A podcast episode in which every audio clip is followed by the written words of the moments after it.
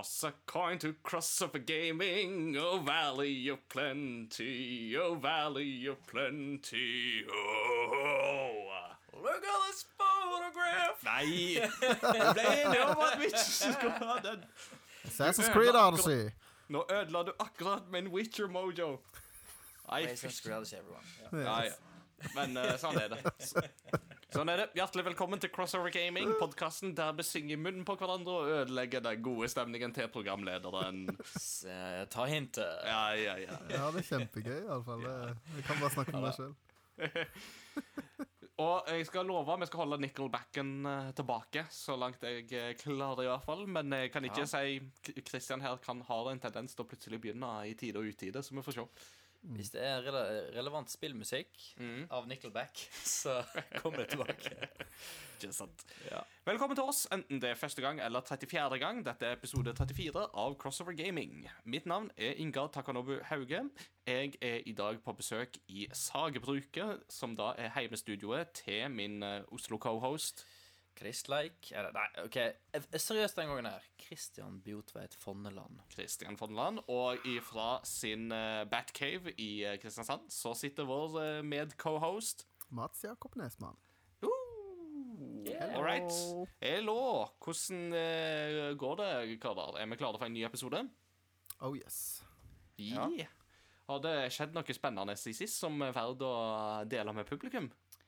Ja, det skjedde jo en veldig koselig ting eh, for ca. ei uke siden. OK? Da eh, plutselig her om dagen så fikk jeg en spontan eh, tekstmelding av eh, en av programlederne i Crossover Gaming Ja. som sa Du, jeg kommer til Oslo i helga. Skal vi henge? Og så skjer det veldig sjeldent, men eh, den helga var helt åpen. Så da, eh, da hadde vi besøk av deg, Mats Jakob, og kona. Åh, det For det skulle i et bryllup, var det det? Ja.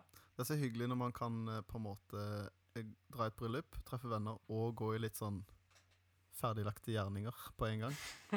ja. Kristian har aldri tid, men du var sånn Ja, vi har faktisk ingenting. Det er bare å komme. så det Nice. var helt ja rått. det, var, det var veldig kos, altså. Men eh, ja, det var skikkelig hyggelig. Jeg var rett og slett i Oslo fordi at min beste venn skulle gifte seg. Jeg skulle ha forlover. Så det var superkoselig. Det var litt Ja. uh, intimt uh, bryllup. um, så det var veldig hyggelig. Og da fikk jeg fikk meg og Christian gama litt. Men ikke Nice. så mye som vi skulle ønske. Men uh, vi fikk Nei. gama litt. Sånn er det. Fikk vist hverandre litt indie-favoritter, i hvert fall. Mm, mm. Det er gøy, da. Så Christian mm. fikk testa eh, Baba Is You Ah. og Gatto Roboto. No, katteroboter. Mhm. Og så fikk jeg testa Hollow Night, som ikke jeg hadde prøvd før. Aha. Mm. Som eh, kommer til å bli kjøpt her i hus. Ja. Det er det ikke noe tvil om. Den, den uh, står på min liste òg, så uh, Men eh, det er det mange spill som gjør. så. Eh, vi må jo òg nevne en eh, Siden du snakket om tekstmelding, så kom jeg på vi må jo nevne den eh, koselige meldingen vi fikk fra en av våre faste lyttere. Shout-out til Eirik! Eirik! Som eh, tok kontakt med oss og lurte på om han kunne dele en finn.no-annonse. der han skulle selge litt sånn rusk og rask av spill som han hadde til rådighet. Eh, men han ville da gi en sånn ekstra bonus til deg som hører på denne podkasten, og som er en del av communityet vårt på Facebook. Så alle som da finner annonsen hans og vil kjøpe noe, kan da bare skrive 'Gamebox for life' og få 15% rabatt. Så Christian, jeg vet ikke om foreldrene dine visste hva de skapte da de ga deg created now, mother! Men Gamebox lever videre som da promotional code. In 15 years I will sell this story Yes. in a format that doesn't exist yet. Yes, Ja. on a UMD 2. Men uh, Så, ja. Ja. Så det var supert gjort, Eirik. Det er Ja, det var- kjempespontant og fint. Vakkert. apro apropos det, jeg fikk jo gjengjeldt uh, eh, tjenesten, holdt jeg på å si. Jeg fikk jo eh, gitt tilbake med en gang. Fordi han eh, la også ut en post eh, på en annen eh, sånn eh, spillside på Facebook, hvor han skrev at eh, jeg samler på Dragon Quest. Eh, Digger serien, begynte med dette og dette spillet, jeg men jeg mangler disse spillene. Og så visste jeg at jeg har Jeg hadde to Dragon Quest-spill i hylla. Det ene visste jeg at han hadde, det andre huska jeg ikke hvilket var. Så gikk jeg i hylla, og der hadde jeg det eneste han mangla på DS, eh, tilfeldigvis. Så da tenkte jeg, og det var det spillet jeg spilte på min bryllupsreise, når jeg lå under et håndkle på en strand, eh, Mamma Mia-stranda på Skopelos i Hellas, og, og spilte DS. Um, så det var ferdig spilt, så det kunne jeg gladelig dele videre til noen som ville fullføre samlinga si. Det er jo helt fantastisk. Så jeg tror det planen er at det skulle overrekkes fra Christian til deg, Ingar, i dag. Og og det skal er gjort, Ja, så det er eh, Eirik skal få spillet sitt. Ja, det er bra. Så sånn er det, folkens. Eh, Hør på Crossover Gaming, og så kan gode ting plutselig skje. Ja. Disclaimer, Crossover Gaming eh, is not a guarantee for success. Jo da. Vi forkynner ikke herlighetsteologi på denne podkasten, bare så det er sagt. Hæ? Så. Nei, nei, det gjør vi ikke. Gode lutheraner som er Nei da. Tulla. Eh, sånn Av andre ting som har skjedd siden sist, så må jeg òg nevne uh, På mandag så var jeg en liten tur nede i Oslo sentrum. For da var jeg på besøk hos Eldorado e-sport and entertainment. Ja. Koselig. uh, dette er jo et litt spennende prosjekt som er i gang. Uh, Eldorado er jo en gammel kulturinstitusjon i Oslo. Det begynte jo som teater eh, Altså, bygningen er jo fra 1891, og det begynte jo som noe teater og noe sånt, og så var det jo kino i ganske mange år. Eh, veldig sånn, Det var liksom action-kinoen i Oslo veldig lenge. Det var jo sånn Alle James Bond-filmer hadde premiere der, for eksempel, og sånt. Eh, men i 2012 så gikk jo Eldorado kino ble lagt ned, og så ble det jo til en bokhandel eh, i stedet. Um, har vært, hos en privat aktør, og så overtok Nordli den i fjor, og de fant ut at 2000 kvadratmeter med bokhandel, det er litt for mye. Eh, og da var det jo sånn at da er det jo en eh, kar som heter Helge Lunde, som uh, har uh, oppdaga dette med e-sport. Er jo uh, på en måte kilde til Altså Han er jo en businessmann og tenker jo det at her er det jo faktisk et veldig stort potensial. Så de har jo da gått inn og skal gjøre andre etasjen i Eldorado om til et sånt samlingssted for e-sport og gaming i Oslo. Eh, og det blir på en måte Det blir grupperom med liksom spill, VR-utstyr, det blir det streamingutstyr, masse ting som man kan på en måte leie, og sånne ting. Og så blir det en sånn stor Der som gamle kinosal 1 var, så blir det sånn stor sånn eventsenter med liksom podium framme og scene, skjermer og Der kan du liksom se på e-sportkamper, og kanskje de til og med kan på en måte arrangere e-sportkamper der òg, for, for det vi vet. Og det kan bli sceneshow med, med oss, kanskje? Ja, det, det, det vet jeg ikke, men uh, tipper at det er andre podkaster i Norge som uh, Episode 100. Ja, ja, ja. det var. ja nei, vi, skal, vi krysser fingrene, og vi er åpne for det meste, så Ja, så, så på mandag så var jeg innom der og intervjua de, og det intervjuet eh, finner dere på Game Reactor. Eh, Cool. så sjekk det gjerne ut. Det er noe som kommer til å bli veldig spennende å følge med på i tida som kommer. Mm. Tøft.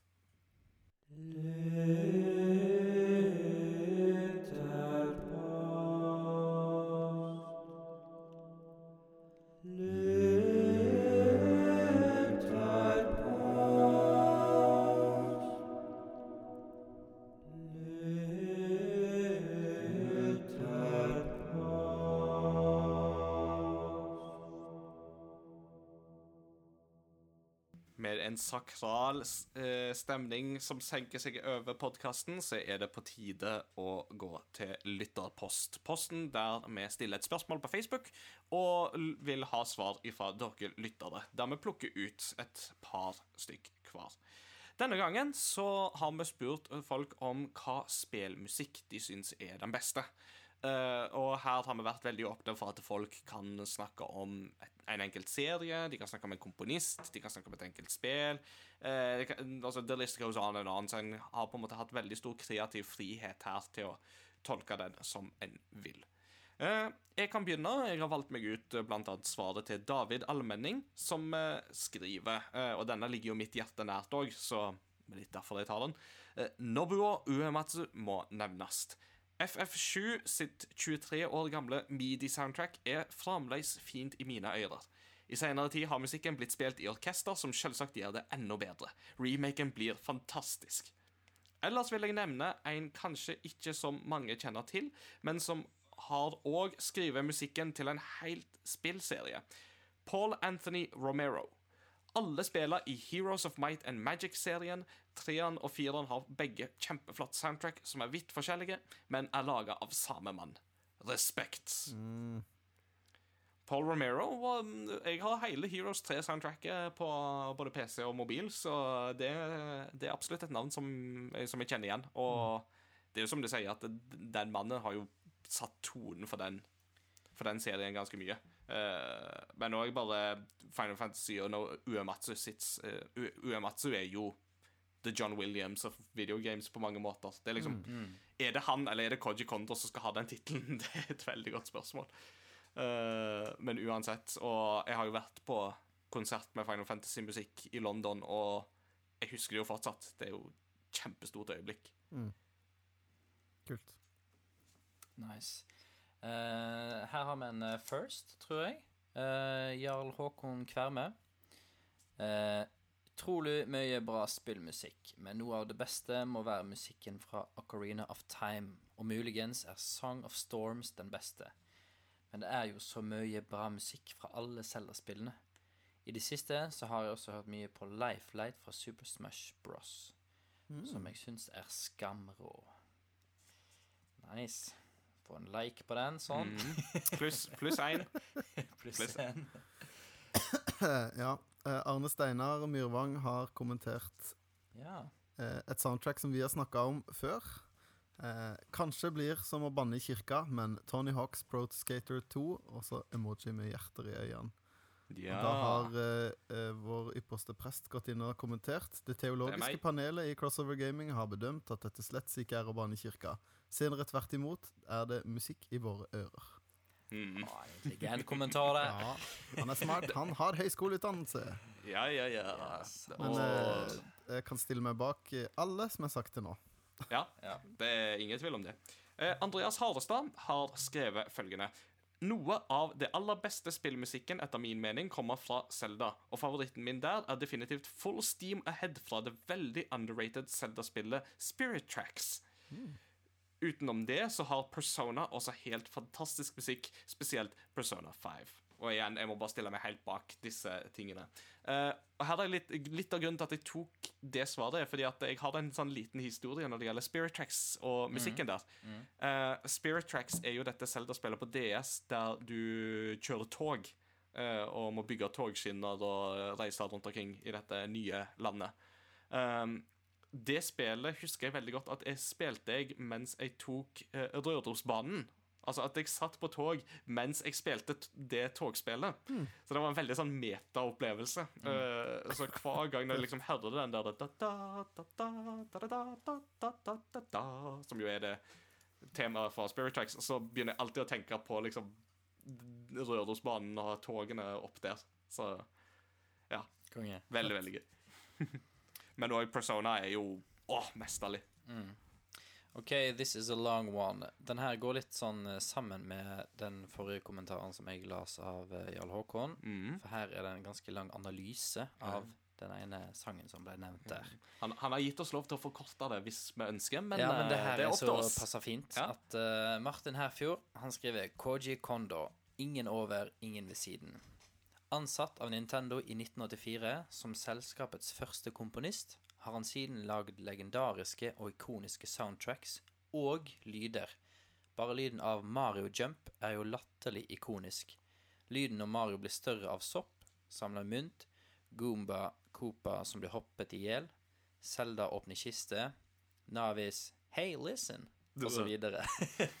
Alt dette gjorde underverker for å gjøre Nintendo-univers troverdige og unike. Og ikke for å snakke om selve musikken. Sukk. Tror jeg spontant kan begynne å nynne på over 30 forskjellige melodier fra Mario og Zelda. Alle like minneverdige og nostalgifrembringende. Mange her har nevnt Ballad of the Goddess. Selv vil jeg nevne The Great Sea og Dragon Roost Island fra Wind Waker. Lost Woods og Eponas Theme fra Corrine of Time. Og Dire Dire Docks og Main Theme fra Mario 64. Jeg kunne nevnt minst 20 sanger til, og det sier litt om den syke hjernen til Kondos Hammer. og Også en musikkanalyse incoming. Oi. Måten Kondo bruker lydisk skala, altså høyt fjerde trinn, gjennomgående i Zelda-musikken, som Grieg ofte brukte for å representere troll, Troll, spesielt i Per Gynt-musikken, skaper en eventyraktig stemning med helt unikt særpreg, og gjør det lettere å bli dratt inn i Hyrules magiske verden. Dette er veldig tydelig i Lost Woods og Song of Healing. Når man tenker etter, er det også mange likheter mellom morgenstemning av Grieg og Eponas Theme av Kondo. Eh, merker det var dette jeg skulle skrevet master om, skriver han i parentes. Yoda! Det er stort sett kirketoneartene lydisk og dorisk, Song of Time, Song of Storm blant annet, som går igjen. Kondo er en mester i å lage enkle melodier som setter seg umiddelbart. Lett nok til at vi kan selv spille dem ved hjelp av fire gule knapper på en, på en 64-kontroll, men også originale nok til å lage fulle soundtracks ut av. Underground Theme fra Super Mario Brothers består jo av skeive taktarter og kromatisk, nesten atonal skala. Mm. Likevel sitter den som et skudd og er noe av det mest ikoniske vi har av spillmusikk. Et moderne geni, spillmusikken Mozart, eventuelt Grieg. Vi er heldige som får leve i Mr. Kondos tid. Håper dere spiller noe musikk fra ham i denne episoden. Den var god. Og så har han uh, lagt ved en note, et bilde av en note hvor det står 'Example 21'. Coin sound effect. Og der er det to toner. Mm. Den kan jeg på piano. Yes.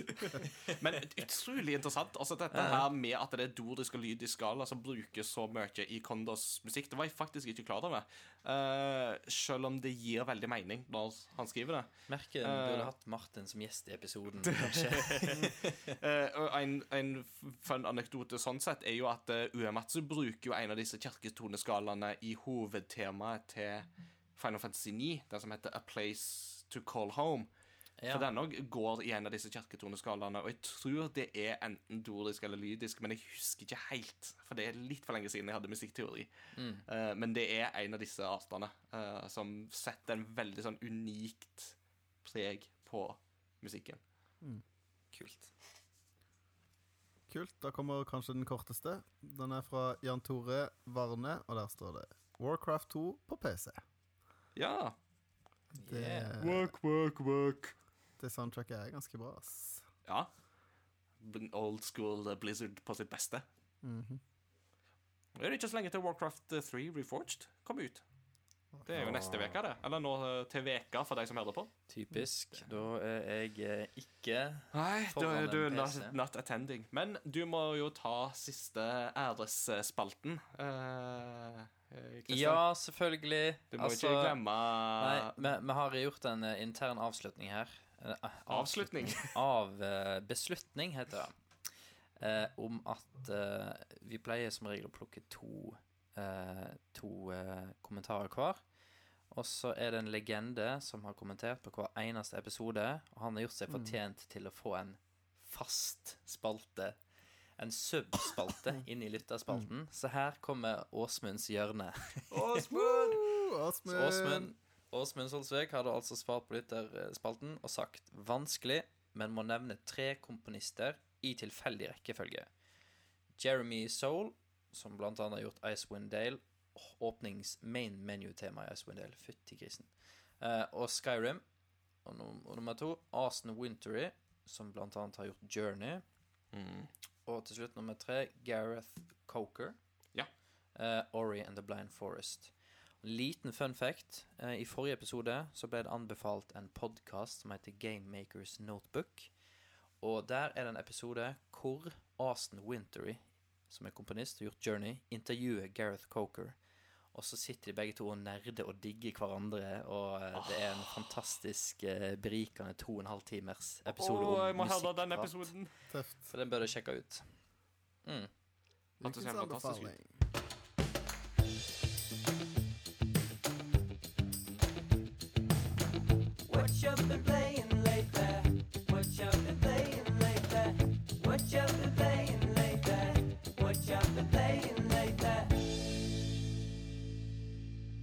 Ja, nå er jeg spent, eh, karer. Hva, hva har dere spilt i siste? Det, Sist gang hadde vi jo hatt juleferie og hatt litt ekstra tid, men nå er vi jo tilbake i arbeidshverdagen, så blir det tid til noe. Nei, det var da, da. Um, jeg eh, stikker til Japan eh, Nå er det torsdag når vi spiller inn.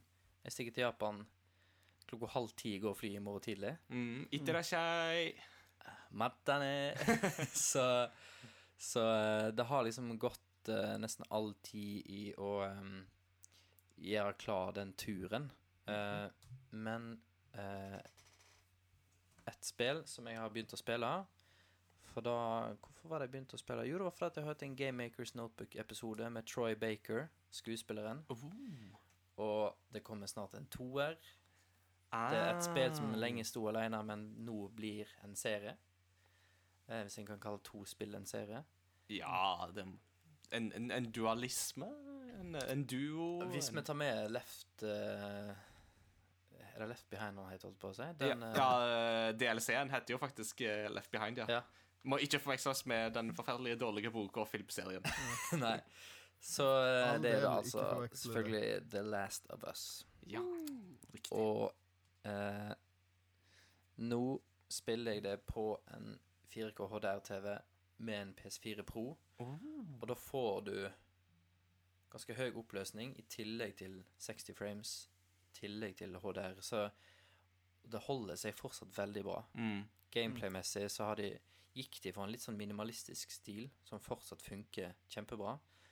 Og så er det jo en, en historie presentert på en, en fabelaktig måte, og skuespillet er dødsbra. Manuset er nydelig. Mm. Bare den åpningssekvensen Mm.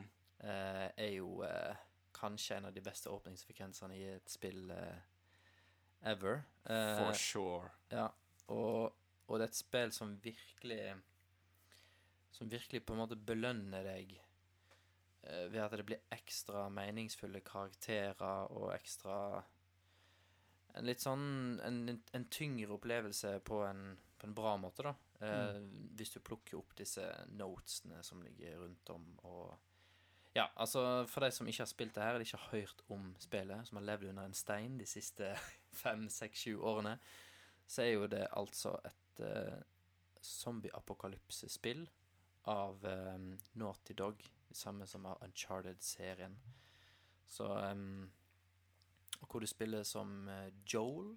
-hmm. uh, og eh, når du spiller spillet, så har vel den her zombie-outbreaken vært i 20 år. Riktig. Eh, så det er jo et samfunn som er ganske annerledes enn det samfunnet vi kjenner. Mm. Eh, og så får du et ganske viktig og meningsfullt eh, oppdrag ganske tidlig i spillet. Og da reiser du ut på en reise sammen med jenta Ellie Mm. for å, for å gjennomføre det oppdraget her, da. Og så er det en eh, Det er vel en eh, Når det kommer til karakterutvikling og eh, ja, og skuespill og sånt her, så er det en, en top tier, det spillet her, altså. Mm. Og ja, det holder seg fortsatt superbra, og jeg kommer til å glede meg til jeg kan spille i vinterferien Ja. etter Japanturen. PlayStation hadde jo kåra det som sitt Game of the Decade for mm. tiåret som gikk. Mm. Og det er jo vel, vel fortjent, egentlig. Jeg hadde det jo sjøl på min topp på min femteplass, Ja. da vi snakket om våre uh, favoritter for de siste ti åra. Eh, og det føltes jo nesten fælt å plassere det så langt nede. Uh, det gjorde det. Men jeg har veldig lyst til å spille det igjen sjøl, og har en plan om å spille det igjen sjøl. Mm. Så det kommer jeg sikkert til å gjøre. Men vi får se om jeg går for den originale PlayStation 3-versjonen, eller om jeg eventuelt oppgraderer det til PS4. Vi får se. Mm. Har du, eh, har du noe mer du vil dele med klassen, med menigheten? i Nei, dag? altså, jeg kan jo si bitte litt om gamingplanene mine for Japan, da. Ja, For nå blir jo ikke jeg med i de to kommende episodene pga. Ja. av eh, Japanturen. Men vi får vel reisebrev. Ja, vi får et reisebrev, men eh, jeg kan jo droppe litt her nå. Og det er jo at uh, det norske spillet Mosaikk ble sluppet på Switch i dag, altså torsdag. Mm. 23. er det vel i dag? Mm. ble det det? det? Eh, så da skal lastes ned i kveld, og så blir det et spill som sikkert blir starta og runda, ser jeg for meg, på den lengste flyreisen. Og når du har gjort det, så kan du jo bare ta opp mobilen og begynne med litt eh, blipp-blopp. Ja, eventuelt. Et veldig bra tips jeg fikk av deg i stad. High Score Girl skal eh, ses på flyet for å komme litt inn i den Japan- eh, og Mm. gaming-arkadestemninga. Ja. Yeah! Yes. Gode greier. Mats Jakob, vil du overta? Ja, jeg kan jo bare hoppe rett inn i det samme. Jeg satt én kveld, og så hele sesong to av High Score Girl. Ja. Den er jo ikke så lang, da. Nei, det var ti, ni episoder? Ti? Jeg husker ikke. Men uh, det er sånn Jeg har det, det er mange jeg, vet det er sikkert, Dere kan sikkert kjenne dere igjen i den der eh, når du har sett ferdig en sesong av noe, og så blir det sånn ah, nå kommer neste sesong. Og så klør det litt i resten av den dagen, kanskje dagen etterpå, og så glemmer du det litt. Og så oh, ny sesong av den. High Score Girl er sånn Jeg har tenkt på det i alle fall Altså, jeg tror nesten ikke jeg overdriver hvis jeg sier jeg har tenkt på det i alle fall annenhver uke siden jeg så de ekstraepisodene Mm. eh, som kom i april. Og drev og sjekka. Nå kommer det, nå kommer det, nå kommer det. Og så nå i høst så har jeg helt glemt å sjekke. Og så snakker jeg med vår venn Håkon. Håkon! Håkon! Eh, så sier han ja, High School Girl har kommet. Jeg bare what?! Og så setter jeg meg ned så alt. Og eh, det jeg vet ikke Det skal på en måte eh, Capcom-spill fra 90-tallet til for å få meg til å totalt forelske meg i et sånt teen drama på japansk. det er Jeg syns det er så bra. Det er bare Mm. det er kjempegøye karakterer, og jeg syns måten de har implementert eh, Ikke bare at de spiller, men eh, for eksempel karakteren Guile fra Street Fighter 2 får liksom en Mm. enda større rolle i, i den sesongen her som en slags sånn mentor Mm. som dukker opp. Eh, og de gjør det på noen ganske gøye måter òg, og implementerer hele det opplegget der. Så det er um, skikkelig gøy. Så akkurat som sist jeg satte meg ned og så alt av det i et jafs, så teller jeg det som spillet har spilt. Ja, det, det syns vi må gjøre. Og jeg var faktisk ikke klar over at det var kommet mer nå i høst, så det skal jeg òg få med meg. Merkelig at Netflix ikke har varsla meg om det. Nei, det er ikke på Netflix. Å, det kan du jo forklare det. Ja, men da så det ikke på Netflix. Ah. Nei, men eh, da, da, skal vi, mm, da skal vi få fiksa det. Eh, klipp det ut. Nei, jeg har Crunchyroll, jeg, så det skal gå fint. Ja, det var ikke der jeg så det, men uh... I have all the services. Yes. Uh, bortsett fra det så har jeg spilt jeg jo litt hos Christian, som jeg nevnte i stad. Uh, men det var jo litt mer sånn bare testing av spill. Men vi har og Christian eh, spilte noen runder med Smash. Ja. Og jeg har ikke spilt Smash siden jeg var hos Christian i oktober og spilte Smash. så eh, ikke blitt så veldig mye bedre. eh, så det Jeg kjenner at jeg må Jeg, må, hva skal jeg si eh, Slipe knivene mine litt. Ja. For det var ikke så gøy å bare bli knust i ti runder. Eller det var gøy. Du får, Skulle gjerne vunnet litt. du, får, du får gjøre det med den eh, nye rollefiguren som kommer nå, som alle er så glad for eh, kommer. Eh, mer om det i uh, kunngjøringsdelen. Kunngjøringa, The most requested. Nei, Yeah. det, eneste, det er faktisk det eneste jeg har spilt siden vi snakket sammen sist. Jeg har spilt uh, Settlers, begynt å spille Settlers igjen. Ja. Um, så nå er jeg på siste Siste brettet, siste questen, på master, master mode, eller master uh, vanskelighetsgrad. Og, det er, og det er vanskelig.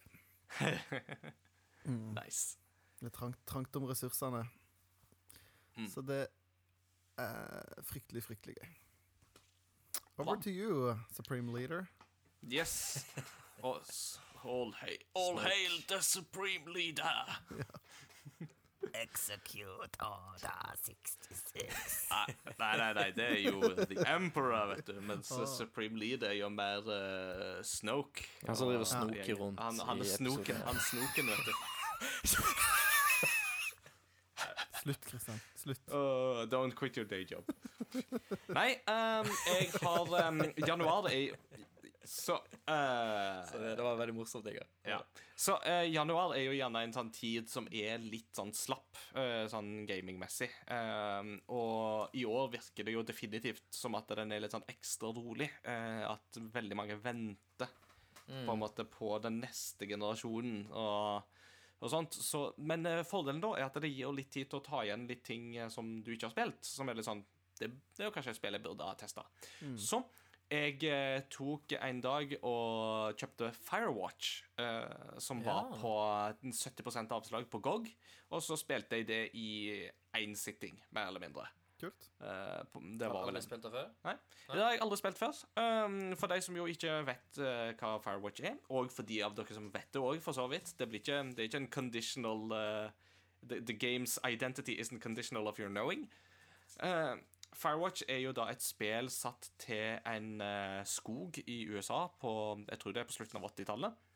Eh, hovedpersonen kommer dit og skal være i et sånt vakttårn uh, i en nasjonalpark for å se etter skogbranner og sånne ting og varsle om det.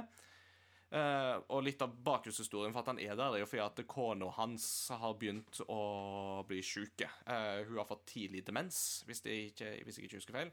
Dette er jo de fem første minuttene av spillet, så jeg tillater meg å nevne det. Eh, og det er klart at han trenger liksom å få litt sånn distanse og komme litt vekk fra tingene. og sånt, Så han reiser midt ut i skauen muttens alene. Uh, men når han kommer fram til, til det, dette vakttårnet, så beeper radioen, og da får han kontakt med Delilah, som er i nabotårnet, som du kan se i det fjerne, men som er veldig langt vekke. Og, og veldig mye av eh, Firewatch handler jo egentlig bare om å gå rundt i skogen, eh, sjekke ting og være i kommunikasjon med Delilah. Så det er en sånn såkalt walking simulator eh, av beste slag. Det er veldig mye trasking rundt eh, å være på de rette plassene til de rette tidene og, og litt sånt. Og så har du litt dialogvalg og sånt underveis og litt sånne ting. Um, det er en interessant walking simulator, det vil jeg nok si at det er. Men både før og etter Firewatch har det kommet tilsvarende spill som er bedre. Eh, og jeg vil jo da særlig trekke fram Gone Home, som jo kom før, som jo er et av de beste spillene av den typen. Uh, men òg What Remains of Edith Finch, som kom året etter, uh, er to spill som jeg vil plassere enda høyere på den lista der, og som jeg syns er bedre. Eh, og sjøl Den norske Draugen har noen aspekt ved seg der det er bedre enn Firewatch, syns jeg faktisk. Sjøl om det ligger sånn Jeg vil si sånn totalt sett så ligger kanskje Draugen og Firewatch sånn omtrentlig likt. At de har en del gode ideer, og det er en del gøyale ting og sånne ting, men særlig på historien så er det litt sånn uforløst potensial som aldri blir innfridd. Kan, kan jeg komme med en liten kommentar der? Ja, veldig gjerne. For, for jeg, eh, jeg, sp- jeg spilte et spill når det kom, og har bare spilt det én gang. Ja. Eh, men jeg digger det derre Den følelsen du hadde mens du spilte det, og, og hvordan spillet slutter. Mm. Så føler jeg spillet beholder veldig mystikken Ja. i spillet, uten å gi deg svar på kanskje alt du lurer på i løpet av spillet. Mm. Mens jeg har hørt at på en, i en annen analyse, da, at andre gangen du spiller, da, så løfter det seg veldig, av en eller annen grunn. Om du ennå har overskuddet til å liksom Du knytter slutten inn til ting du ser tidligere i spillet, eller Mm. Men eh, men ja, kanskje det er verdt å ta en tur titt. Kan jo hende. Ta en tur titt. Ta en tur titt. ta en eh, Ta en tur, tur til. gitt. Ja, ja, ja. Kutt det ut. Så det var i alle fall én ting som jeg hadde testa. Um, jeg har eh, så smått rukket dere plukka opp igjen Yakuza 0, uh, igjen, Ja. som jeg jo ikke har rørt siden oktober. Jeg fant ut at eh, eh, s- siste lagringsfil var, sånn, var fra sånn rett før 25. oktober, og det var jo da um, The Outer Worlds kom ut, og siden den gang så har det gått slag i slag med Luigi's Mansion og Shenmue 3 og Death Stranding og så videre, så videre, så videre. Jedi Fallen Order. Alle, de storspillene som kom. Eh, men det var veldig gøy å hoppe litt inn i Yakuza 0 igjen. Eh, nå spiller jeg eh, som eh, Goro Mashima, som er han eh, Yakuzaen med lapp på øya. Eh, Ja. så- Og hans eh, liksom Starten på hans karriere i Osaka, eh, der han driver en sånn der hostess club og er liksom sånn eh, Går rundt og hjelper folk likevel. Til, ja. Det er Yakuza. Det er gøy. Det, det er ikke så mye å si enn det. Det er ekstrem bromance-faktor til de grader, med veldig, veldig macho menn som samtidig ikke er redd for å gråte så det spruter ut av dem. Så det, det liksom følelsesregisteret deres kjenner liksom De er liksom på elleve. Enten de er glad eller sint eller lei seg. Så, så er de liksom skrudd opp til elleve. Det er aldri et eh, rolig moment Nei. i Yakuza. Nei. serien. Cool. Og så um, har jeg òg anmeldt et spill for Game Reactor, og det er da Tokyo Mirage Sessions Sharp FE Encore. That's a Det, mouthful. that's a mouthful. Så for å ta kortversjonen Dette er da et Wii U-spill som kom ut i 2015 i Japan, 16 i Europa. Og som da er en krysning mellom Shin Megami Tensei-serien og Fire Emblem-serien. Fire Emblem-serien er jo denne strategiserien til Nintendo, mens Shin Megami Tensei er jo da hovedserien til selskapet Atlas. Og Persona-serien er jo en spin-off av Shin Megami Tensei. Stemmer. Uh, ja. Uh, Wii U solgte jo ikke så veldig bra. Switch har derimot solgt veldig veldig bra. Uh, og det åpner jo for at man kan få noen relanseringer. Eh, Og jeg har rakk Eller jeg tok meg aldri tida til å spille Tokyo Mirage Sessions da det kom ut på Wii U, men hadde likevel alltid litt lyst til å teste det. Så jeg slengte meg på jeg og spilte gjennom mesteparten og har skrevet en anmeldelse på det. Um, det er mer Shin Megami Tensei enn det er Fire Emblem. Uh, så de som plukker det opp, må være forberedt på det. Så kort fortalt så vil det si at du går egentlig inn i en annen verden, og så er det veldig sånn dungeon crawling, at du måte manøvrere deg gjennom en lang dungeon med masse monstre. Uh, og så er det turbaserte kamper der du må utnytte fiendens svakheter og sånt. Kampene er veldig gøy. Um, der er det sånn at hvis du klarer å treffe det svake punktet til fienden, så trigger du en såkalt session. Som da er at de andre rollefigurene kommer inn med sine angrep, og så får du sånn kjedereaksjoner. Bam, bam, bam, bam, bam. Og til å begynne med så er det kanskje bare én rollefigur som kommer inn, men når du da får sånne kjeder med 10-15 angrep på rekke og rad, så gjør du jo massiv skade. Eh, og det er veldig tilfredsstillende. Gøy.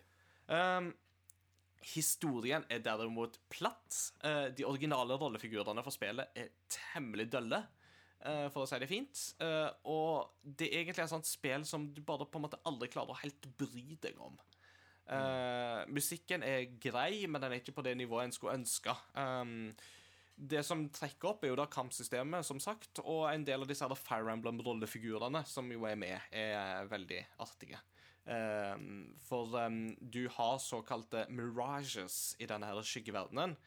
Uh, I utgangspunktet er mirages sånne onde uh, åndeskapninger som prøver å stjele uh, den kreative kraften i deg, din performa. Uh, mens uh, så finnes det noen da som allierer seg med deg, og det er da Fire Emblem-rollefigurer som Crom uh, Nå har jeg jo glemt navnet på alle. Tharja er med, for eksempel. Tiki Ja, så det er mange klassiske Fire Emblem-rollefigurer. Pluss i boka, for at hvis du går på den lokale convenience storen, så treffer du på Anna, som er fast rollefigur i alle Fire Emblem-spill. Hun er jo merchanten som alltid er med i alle Fire Emblem-spill. Og hun står da selvsagt på convenience storen og selger deg eh, mat og andre ting. Det er en sånn fin liten detalj der. Um, og så er jo en del av settinga går jo rundt hele denne her idolkulturen i Japan, som jo er liksom sånn uh, et, et, et japansk idol er jo en som typisk skal kunne alt, altså av kreative ting. Synge, danse, eh, spille instrumenter, skuespille, you name it, liksom. Og de er jo det er jo en del av et ekstremt maskineri, eh, disse idolene, som på en måte skaper noen kule ting, men som kan være Har en del negative sider ved seg òg, da. Eh, og spillet er en veldig sånn glorifisering av idolkulturen. Ja. Eh, og det syns jeg var litt savn, fordi at Atlas kan det med å sette litt sånn pekefingeren på ting i samfunnet. Det er de veldig flinke med i både Persona 4 og Persona 5, og i Catherine, for den saks skyld òg. og dette er et spill som du føler aldri når opp på det nivået. Så du føler det er litt sånn Dette er B-laget til Atlas som har sittet og jobba med. Har du lyst til å eh, røpe karakter? Eh, ja, jeg ga det vel seks av ti. Eh, Ja. ga jeg det, Og står helt innafor det. Det har sine definitive øyeblikk, men jeg må liksom hva, hva vil jeg sammenligne det med? Jo, jeg vil jo sammenligne det med andre eh, japanske rollespill. Kanskje da til og med japanske eh, turbaserte rollespill. Uh, og jeg hadde det mer gøy med Dragon Quest 11 for eksempel, enn jeg hadde med dette. Uh, og da føles det veldig naturlig å gi den lavere karakter enn jeg ga Dragon Quest 11. Så det er egentlig det jeg har vært igjennom. Uh, det tar jo sin tid det å spille et japansk rollespill, så det har egentlig tatt mesteparten av tida mi. Det gjør det. Men det høres jo egentlig ut som et greit sted å ta en pause på òg, tenker jeg. pause, Ja. og så kommer jo fortsatt den eh, nydelige nye jinglen rett etter pausen. Ja, ja, ja, så stay tuned for more. Speaking of tuned, det, den gitaren skal tunes. Den blir tuna live i jinglen. All right, liten pause. Alright. Ja.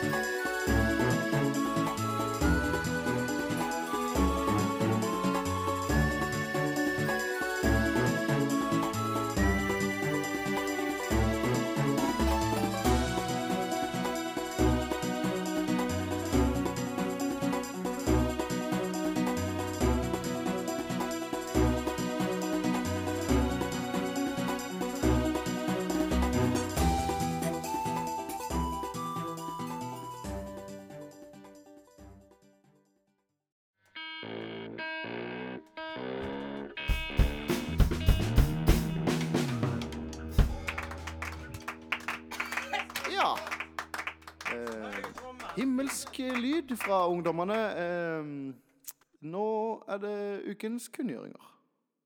Ja, takk for det. Da er det tid for kunngjøringer. Så Sterk jingle, altså. sterk jingle, absolutt. Eh, vi har noen kunngjøringer, for det har jo skjedd litt ting. Og et par av de tingene er ting som opptar eh, for noen av oss. Så skal jeg gå kjapt igjennom eh, de mm, småsakene. Eh, det går rykter om at Horizon Zero Dawn kommer til PC i løpet av året i år. Det hadde vært veldig gøy hvis det gjør det. Det er et av mine favorittspill fra 2017, og egentlig for hele denne konsollgenerasjonen. Så hvis det kommer på PC, folkens, da har dere ingen unnskyldning lenger. Da er det bare å sette seg ned med det. Ja. Um, Nintendo hadde en Direct der de viste den femte og siste DLC-rollefiguren som skal komme i denne omgang. Det kom jo en ny DLC-pakke. De hypa det veldig opp. Var litt sånn Hvem kan det være? Åh! Og så var det nok en Fire Emblem-rollefigur. Eh, nærmere bestemt Byleth, hovedpersonen i Fire Emblem Three Houses. Og internett er selvsagt ikke happy. Men eh, internett er aldri happy, så det er jo så. Men eh, hvis jeg skal være helt ærlig, de hypa det litt for mye opp, og det, det er ikke et problem Altså, jeg er jo kjempeglad i Fire Emblem, men selv jeg syns jo det er for mange Fire Emblem-figurer allerede. Det, vi trenger ikke flere. Eh, vi kan heller fokusere på mindre kjente serier. Eh, neste lille sak. Uh, The Witcher går jo så det suser på Netflix. Uh, ny sesong er jo bekrefta, og nå er det òg bekrefta at de skal lage en animasjonsfilm. nærmere bestemt The Witcher Nightmare of the Wolf. Eh, Det er en animasjonsfilm som skal lages av Studio Mir. Og for de som ikke kjenner til deg, så står de bak serien The Legend of Korra. Ja. Som jo er denne videre serien fra Avatar, The Last Airbender. Så det tror jeg kan mm. Og mens vi snakker om animasjonsserier og Netflix, så er det òg da verdt å nevne at Studio Ghibli har inngått en avtale med Netflix, som betyr at fra 1. februar og utover så vil alt av Studio Ghibli sine filmer komme på Netflix. Bortsett fra i USA, Canada og Japan. Eh, USA og Canada har det allerede på HBO, og eh, Japan er kjempeskeptiske til internett, så there's that. De ruller ut litt og litt, da. Og så er Det det, er jo noen filmer som ikke er annonsert. Så det er jo ikke sånn at eh, hele katalogen er tilgjengelig om to til helga, liksom. Nei, det er det ikke. Det, det slippes 1. februar, 1. mars og 1. april. Um, og den eneste filmen jeg ikke fant på den lista, det var Grave of the Fireflies. Uh, men bortsett fra den så tror jeg alle er med. Castle of Caliostro ligger allerede ute, så den trenger de ikke å annonsere. Uh, Er det Lupin-filmen? Ja, Ja. riktig. Um, så, men, men ellers er det riktig at de slipper det i tre puljer, så de slipper ikke alt på en gang, men alt vil da komme og være tilgjengelig. Og det er jo kjempegode nyheter. Hvis folk i den forbindelse lurer på hva Ghibli-filmer er, liksom Hvor skal en begynne? Hva er de beste filmene og sånt? Så har jeg nå de siste par dagene jobba med en rangeringsliste som kommer på Game Reactor. Så den er sikkert ute på Game Reactor når denne episoden er ute. Da har jeg faktisk tatt og rangert alle 23 Ghibli-filmene, og da har jeg tatt med da Naushka, Valley of the Wind og Castle of Caliostro, som strengt tatt er før Studio Ghibli ble etablert, men som likevel regnes som de facto Ghibli-filmer. Mm. Så sjekk det ut, folkens. Har um, dere en favoritt dere vil slenge ut i farten? I den forbindelse? Jeg har sett litt for lite, jeg, altså. Ja. Um, kanskje Howls Moving Castle, er det den heter? Ja. Ja. ja. Den er fin. Jeg har, eh, jeg har nettopp kjøpt min uh, yndlings på japansk eh, laserdisk. Å, å, den var nydelig! Oh, her holder han oppe laserdisk-cover til Naushka Valley of the Wind. Åh, Den Åh, er- den var utsøkt nydelig. Den må du ta bilde av og legge ut på Instagrammen vår. Det skal jeg gjøre. Den er, Det er Facebooken. Den må du faktisk gjøre. Den var helt fantastisk. Ja, veldig, veldig fornøyd med den. Ja. Uh, Naushka er en fantastisk film, den òg, altså.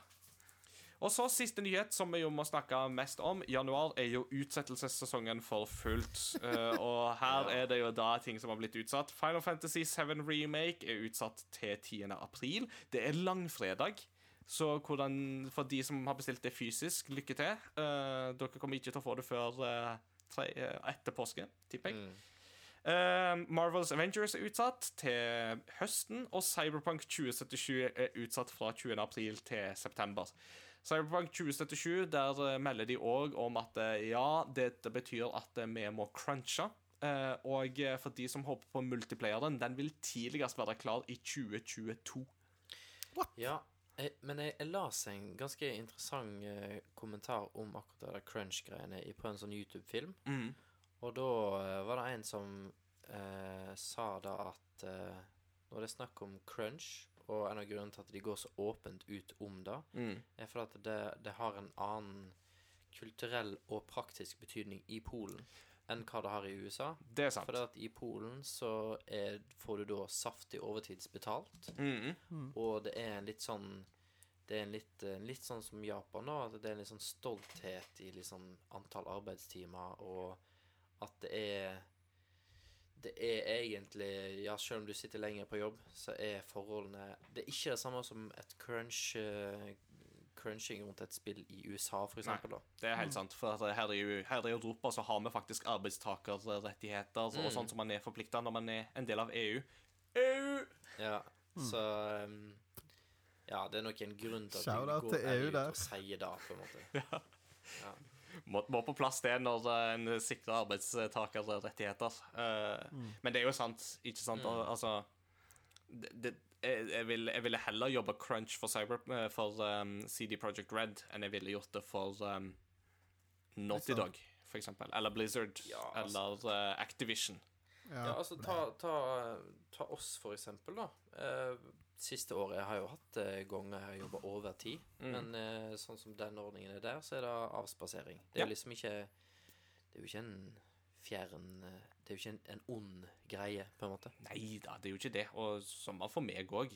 Alle jobber har jo dette her elementet over seg, og kompenserer for det på en eller annen måte. Mm. Uh, men så lenge man er fagorganisert, da, så, så har man jo noen rettigheter og sånt. Mm. Ikke Eh, sant? Og, ja, ja. Så, eh, og en annen tittel som jo også er blitt utsatt, er jo Iron Man VR. Uh, har jo da blitt utsatt fra februar til sommeren en gang. Så, Det er vel ingen av oss som har VR. Nei, ikke på nåværende tidspunkt. Men jeg må si Half-Life Alex Mm. har meg litt på trappene, altså. Så vi får se.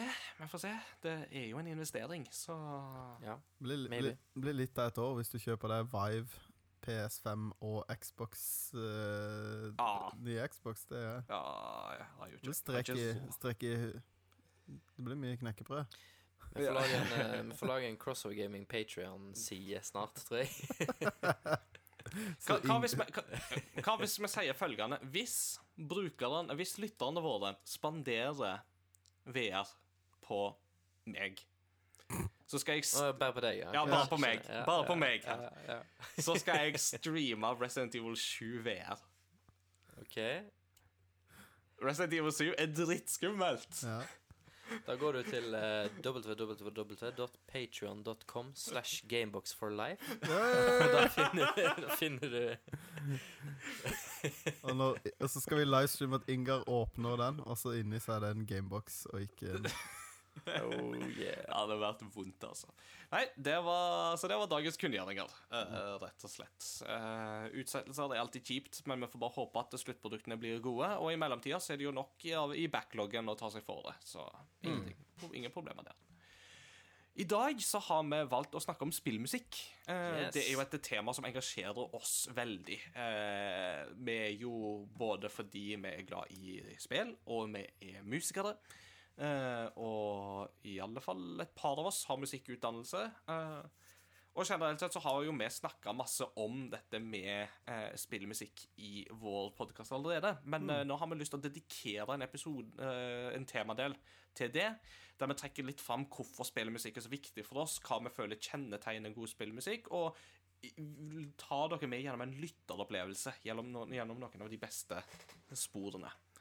Så um, for å begynne liksom litt på, på toppen her Hvorfor er spillmusikk en så viktig del av vår eh, gaminginteresse? Uh, har du lyst til å Har du tenkt noe på det, Mats Jakob? Ja. Uh, altså, musikk er viktig i alle aspekter av mitt liv. Sånn at det ville vært rart hvis det var uviktig i spill. Mm. Uh, men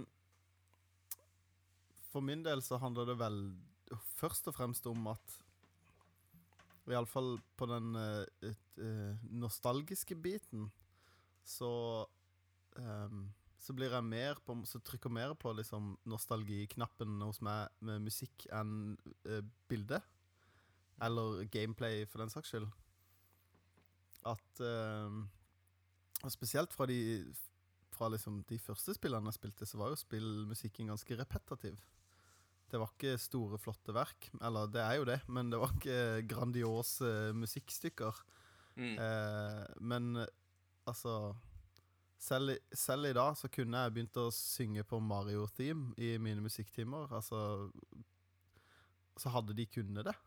Og jeg Ja. tror altså, For det er sånn som Det er blitt det er en sånn kulturell ting. Alle vet om det. Og det temaet er jo begrensa i hardware, men eh, som Martin sa så fint, det er så eh, godt skrevet at eh, Mm. det fester seg. Det er catchy. Ja. Um, og hva skal jeg si, den viktigste jobben til spillmusikk er jo å bidra til den eh, Jeg kommer ikke på det norske ordet, men immersion. Altså det at du blir på en måte sugd inn i spillverdenen. da Mm. Eh, bidra på, til det å sette stemninger og sånne ting. Og det er jo det som er jobben til spillmusikken. Mm. Eh, og derfor gjør den den både interessant som til å lytte til, men òg litt sånn der eh, til refleksjon òg. Som Martin gikk litt inn på, da, med disse her troll, eh, trollskalaene sine fra Grieg, Mm. og at det, at det trekker de parallellene da, med den her eh, gode gamle affektlæren med hva liksom musikk Mm. betyr, da. Hvilken betydning skal forskjellige ting i musikken ha? Mm. Mm. Men, Ikke sant? Og det er veldig spennende å se hvordan spillemusikk står jo gjerne veldig mye i den Altså, en del spillemusikk har iallfall stått i en klassisk tradisjon ikke sant? Ja. og lært nettopp av de store mesterne, som enten det er Grieg, eller det er Mozart, eller det er øh, Eller Wagner, ikke minst, som jo på en måte virkelig på en måte tok i bruk dette med ledemotiv, med leitmotiv. At et, et musikkstykke, eller deler av et musikkstykke, altså følger en person. Eh, som jo særlig John Williams har vært flink med inn i sine filmmusikkomposisjoner. Bare tenk på Altså, hvis jeg synger da, da, da, da, da, da, da, da, da, da er det jo én rollefigur du tenker på, og det er jo Darth Vader. Uh, og det er jo den der effekten som bruken av ledemotiv har, som jo da f.eks. Nobuo Uematsu har brukt mye i sine komposisjoner inn mot Final Fantasy, f.eks. Og hvordan han da i løpet av et spill kan vri og vrenge på et sånt ledemotiv nettopp for da å uttrykke elementer i historien. eh, Og understreke elementer i historien. Eh, særlig i Final Fantasy 6 så gjør han mye av det som er veldig spennende. Eh, men det skrev jeg en artikkel om i Game Rector som heter Søt spillmusikk, Final Fantasy 6, som dere kan lese hvis dere er nysgjerrige. Mm.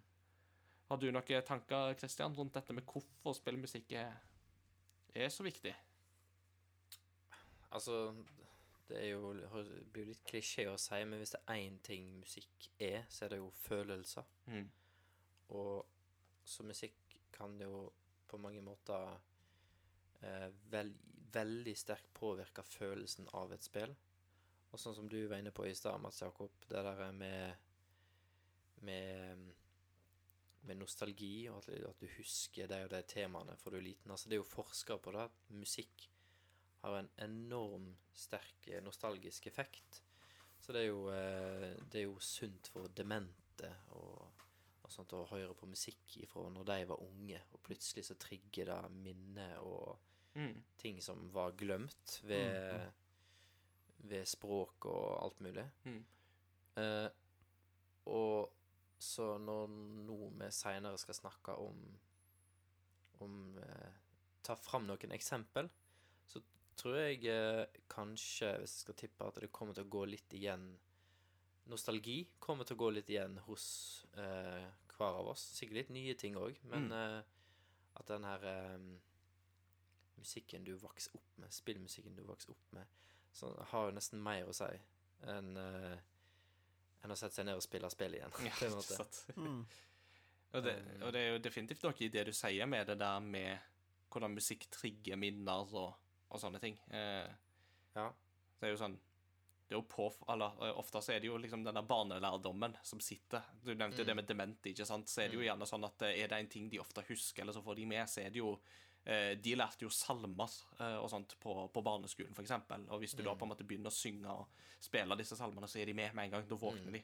Eh, og det er jo litt sånn interessant å se hvor kommer vi til å være på når vi, når vi er demente om 60 år, eh, hva er det som på en måte vil trigge oss? Eh, så kan jo det godt være at det er da, da, da, da, da. Ja. Og, og musikk har jo Det har jo en utrolig sterk eh, Ja, som sagt, påvirkningskraft. Eh, det, det er flere spill jeg har spilt fordi at jeg så traileren og ble bare helt sånn skjønte ikke nødvendigvis Eller fikk, ble nødvendigvis ikke bergtatt av spillet med en gang. Men hvor trailermusikken, som er musikk fra spillet, for eksempel, eh, bare slo meg i bakken og bare Shit, det her må jeg spille. Kun på grunn av soundtracket, egentlig. da Mhm. Absolutt. Så ja. Vi skal komme tilbake til et sånt øyeblikk i min seksjon senere. Um, hva vil dere si kjennetegner dette med god spillmusikk? Hva er det som gjør god spillmusikk god? Eh, Så først og fremst det er litt det jeg snakka om i stad, at det er eh, Det de på engelsk kaller for earworms. Mm. Som graver seg inn i øret ditt og bare blir der. Eh, sånn som disse tingene. Og jeg har jo tidligere nevnt at min Jeg tar jo kona mi i å gå og nynne på Lost Woods-melodien, og hun har aldri spilt Selda. Og jeg får, aldri, jeg får ikke lov å høre på chiptune-musikk i bilen med henne, liksom. Så det er bare fordi at jeg har nynna på det. Så har hun Mm. lært det, så det er på en måte Til og med min nynnende gjengivelse av melodien har gjort at det er noe som har satt seg inn hos henne. Mm. Eh, syns jo jeg Hva skal jeg si? Fins jo ikke noe bedre liksom eh, testamentet til musikken enn det. At liksom det smitter. Eh, Selv om ikke du kjenner til mediet, da. Mm. Eh, men virkelig den derre At det er Ja, at det er catchy, og at det liksom virkelig eh, understreker følelsen delen av spillet skal gi deg, da. Og jeg syns jo eksempel Lost Woods eh, Når du går fra den flotte Kakariko Village med liksom Nå er det morgen, og nå begynner det, og så kommer du inn der, og så er det litt sånn Her er du litt lost. Mm. Eller Rett og sånn, slett. det, Ja. Mm. det er det, det, Ja, jeg syns det er en masterclass i I musikkspilldesign. Absolutt. Mm. Spillmusikkdesign. Mm. Der var det. Uh, og jeg tenkte jo litt på det der som eh, Jeg tror jo kanskje at det er det som kjennetegner god spillmusikk Spillmusikk har jo den der funksjonen med at den skal jo gjerne gå i loop. Eh, I alle fall tradisjonelt sett så har den jo gjort det. Eh, og til å begynne med så hadde man jo begrensa med hvor, mye, altså hvor lange sporene kunne være, fordi man hadde veldig begrensa med lagringsplass. Og det gjorde jo det at du måtte tenke veldig korte stykker som kunne da gå i loop. Og, da tenk, og da har jo god det som er kjennetegnet som god spillemusikk eh, fra gammelt av, har jo da vært det som kan gå i loop igjen og igjen og igjen, og igjen, og som da setter seg som sånne airworms, som du sier, men som du likevel ikke får fnatt av, og bare får lyst til å på en måte skru av TV-en og slenge alt eh, vekk fordi det blir for plagsomt. Eh, I alle fall for den som da sitter og spiller det. Eller som du sier, for den som da hører på og bare på en måte aldri har spilt det, men likevel har fått det inn og nynner på det likevel fordi det er catchy. Har du noe Jeg synes det er veldig vanskelig spørsmål å svare på, for det er så Det er så mange riktige svar, på en måte. Um, noen av de spillene jeg har spilt med, med best spillmusikk, har lite musikk. Ja. Og bruker musikk effektivt og veldig minimalistisk. Mm. Og, og da gir spillopplevelsen masse bedre. Og hadde det ligget et ambient soundtrack der hele veien, så hadde som var kjempebra, så hadde det ikke tjent spillet, da. Så det, jo, det har jo Kjennetegnet bra musikk er jo kanskje hvis det, liksom, hvis det tjener spillet. Mm. Hvis det går an å Så da kan være en av konklusjonene, kanskje. Du jeg tror du var først, Inger. Ja, jeg vil si veldig enig i det. Jeg tenker jo på Breath of the Wild er jo et veldig godt eksempel på et spill som bruker nemlig musikken som minimalistisk. Og det ifra Zelda-serien, en serie der man er vant til de litt mer på en måte store, grandiose komposisjonene, mens i Breath of the Wild så er det på en måte en helt annen minimalistisk bruk av piano og sånt, som samtidig passer så ekstraordinært godt til den settinga og stemninga som det spillet ønsker å formidle. Mm. Jeg skulle egentlig si akkurat det samme. Eh, Ja.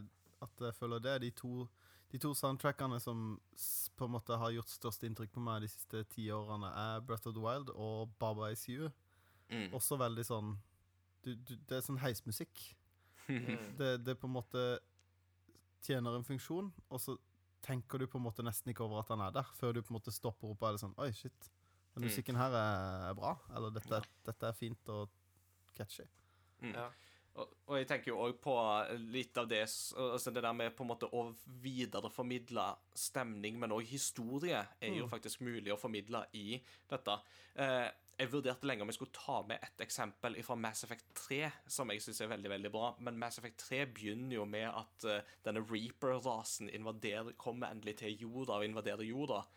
Og det begynner jo med at du egentlig må flykte fra jorda, og idet du da går inn i skipet, så hører du et veldig sånn rolig tema som bare er på en måte litt sånn piano som ligger veldig subtil, stemmer. og så kommer den der maskinlyden fra Reapers, som en sånn ekstrem kontrast. Mm. mm. Terrassedynamikk. Ja, eh, og det er sånn det, er helt Det er så kontrapunktisk, ikke sant? Altså, det er så, ko- Med liksom ekstrem pianissimo, og så får du den der ekstrem fortissimoen på i andre enden med det sånn ekstrem mekanisk lyd mot det mjuke pianoet. Som Det òg er en sånn utsøkt måte å bare formidle historien og dramatikken som står på spill i Mass Effect 3. Hvis vi kan snu litt på, på liksom den tanken om at et spill gjør musikk bedre, så er det en del eksempler der ute på at spill gjør musikken bedre. Mm. I form av at uh, et spill som du spiller, er jo liksom ofte dynamisk. Altså, det er liksom Det er rolige stunder, det er action, og, og uh, hvordan den situasjonen du er i, den endrer seg ofte, da. Og da har du ofte liksom dynamisk eh, musikk som er kommer inn og ut, eller liksom at instrument kan eh, variere ut ifra hva situasjonen er. Og da er det du som spiller som trigger. Og du vil ikke kunne gå inn på Spotify Ja, der ligger soundtracket, men det vil ikke være den samme opplevelsen å sette seg ned og høre på soundtracket som da å spille, for da at musikken Du påvirker musikken, og musikken lever av at du spiller. Mm. Og et, et eksempel på det er jo noe som ble nevnt i lytterspalten.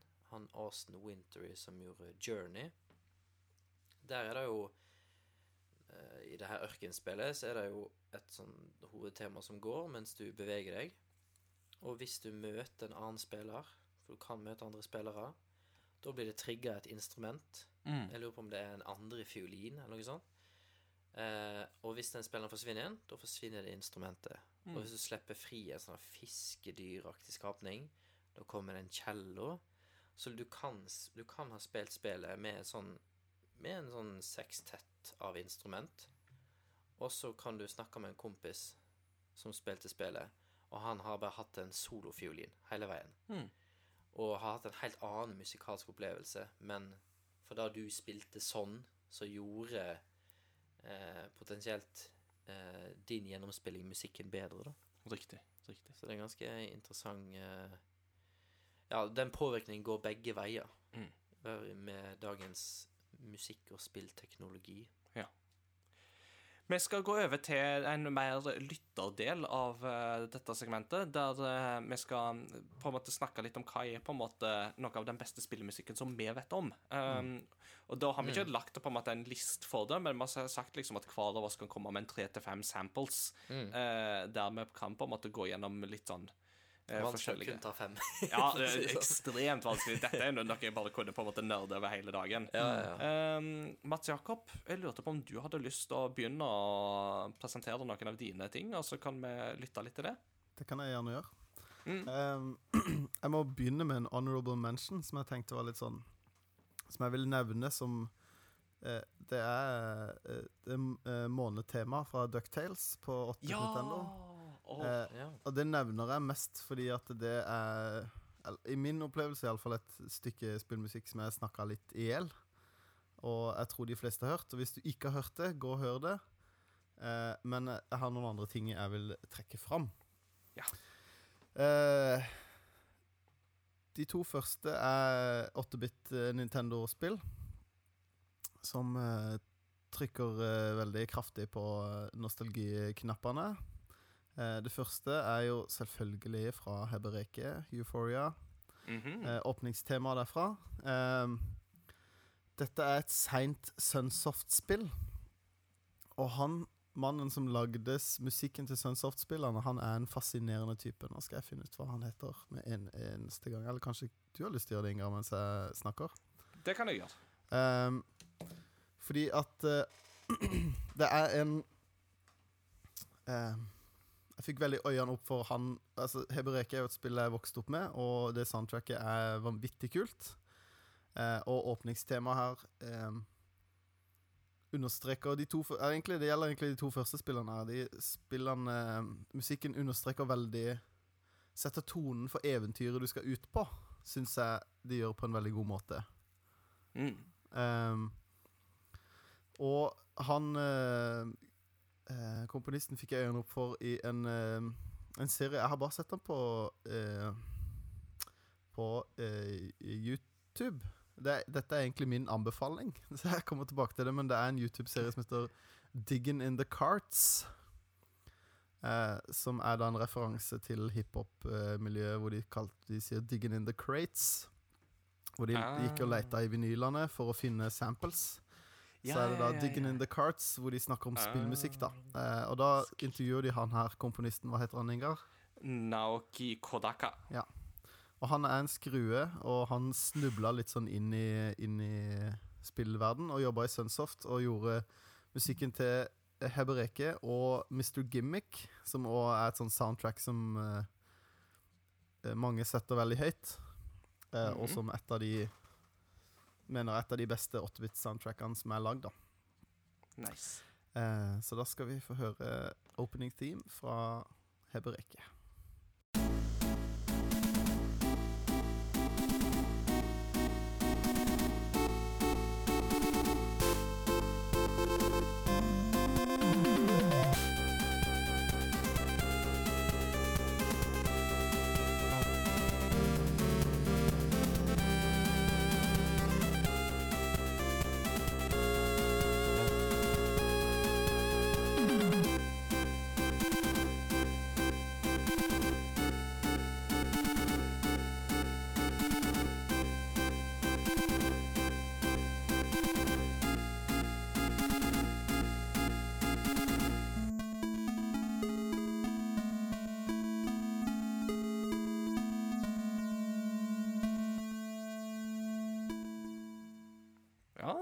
fikk jeg lyst til å gå på eventyr.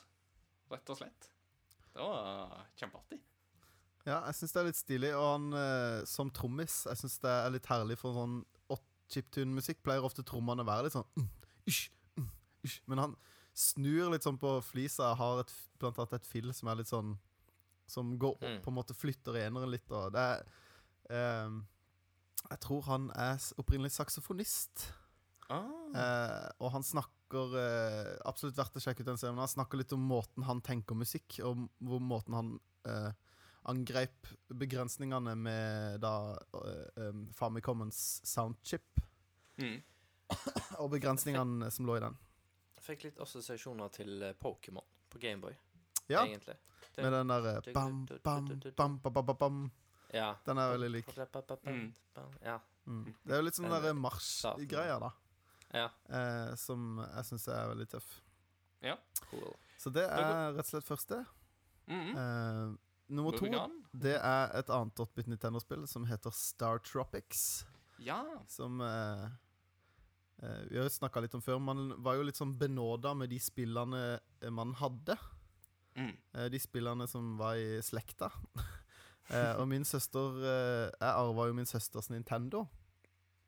Eh, og da fulgte det spillet her med. Og det spillet her, for de som ikke har spilt det, det er et eh, spill hvor du spiller eh, eh, Du spiller en, eh, en eh, ung mann som skal finne sin forsker eh, bestefar, onkel, jeg husker ikke helt det. ja. Jo, Mm, det er noe sant. ja, som heter et eller annet Jones. Eh, så han heter da Dr. Jones. Så det er, Ah, det er veldig mange Indiana Jones-referanser i det spillet her. Men ehm, musikken er dødsbra. Du er en kid som uh, Våpenet ditt er en jojo. Riktig. Uh, og så er det Hva skal jeg si? Letteste måten å beskrive gameplay på at det, det er sånn dungeon crawling, men uh, du, med tank controls. Det er veldig rart. Ja. Eh, men når du venner deg til det, så er det veldig intuitivt. Men til å begynne med så er det litt sånn for, Du kan ikke snu og gå i en vending. Du må først snu, og så gå. Mm. Så det er veldig sånn eh, grid-basert. Det er på Nes Classic, vet jeg jo at det er tilgjengelig. Og så var jo dette òg et spill som faktisk ikke kom ut i Japan i sin tid. Ja. For det var kun i eh, amerikanske og PAL-regionene. Men det ble utvikla i Japan for det Ja. amerikanske markedet, tror jeg. Mm, så det var Så det- veldig rart. Men det er jo derfor det er veldig litt sånn derre Hva er amerikansk? Å ja, Indiana Jones. på en måte. Eh, men eh, musikken her, åpnings, dette er åpningstema. Igjen setter på en måte tonen for eventyret du skal på. Eh, og musikken syns jeg beskriver veldig fint det at du skal på, til en tropisk øy. Det er litt Ja. sånn karibisk stemning på musikken. Og eh, hvis ikke du går inn og ser videoen av dette her sjøl, så er det sånn eh, åpningsbildet så står det Står det Star Tropics over, og så er det i dagslys, og mens musikken spiller, så blir det natt, og du får sånn eh, karibisk natt med vannet som glinser, og bare liksom silhuetten av palmer og sånn. Kult. Så det er veldig stilig Stilig gjort. Let's check it out.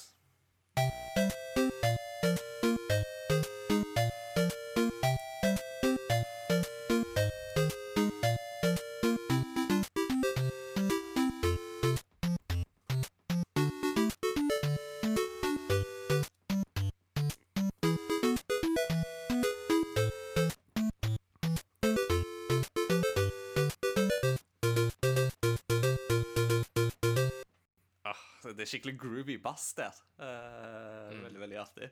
Og da bare liksom det boom, boom, boom, boom, boom. Så liker jeg godt uh, synkopene på slutten. Mm. Da, da, da, da, da, da, da, da. Det er veldig sånn der eh, he, hele, hele orkesteret med litt sånn gang, gang, gang. Jeg liker det. Veldig kult. Samba. Nice. Yeah. All right, moving on to the next one. On to the next one. Det neste for meg, da flytter vi oss på Nintendo 64. Eh, skippa Super Nintendo som barn. Ikke med vilje, men eh, det skjedde bare. Så da er vi på Mario 64. Eh, på mange måter et perfekt spill, i mine øyne. Eh, og dette var jo da rett og slett på studiet sist gang. Det var det jo, så det ble en reprise. Yes. Dire Dire Dogs. Eh, liten reprise på det jeg sa sist, med at jeg syns det er eh, musikk som beskriver vannbane veldig bra. Den mm. litt den svevende, flytende eh, eh, følelsen av å være under vann. Eh, og så er det en av de få vannbanene jeg liker, for dette du blir ikke sånn hva skal jeg si, Rake motsetningen er den musikken som du får i Sonic 2 når du holder på å gå tom for pusten. Og du blir bare helt sånn der Du får sånn Jaws-high-musikk. Eh, og det her er det rake motsetninger. Mm. Ikke sant? Yes. La oss eh,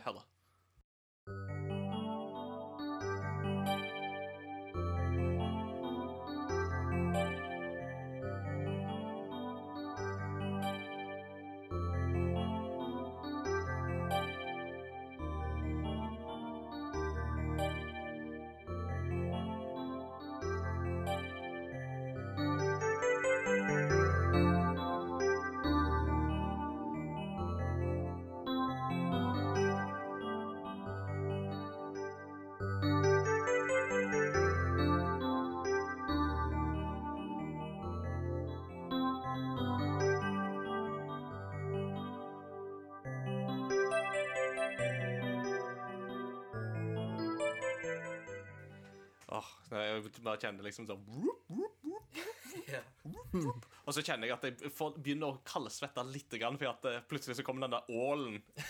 Stemmer. Ja, Åh, jeg var så redd for den ålen. skumle greier.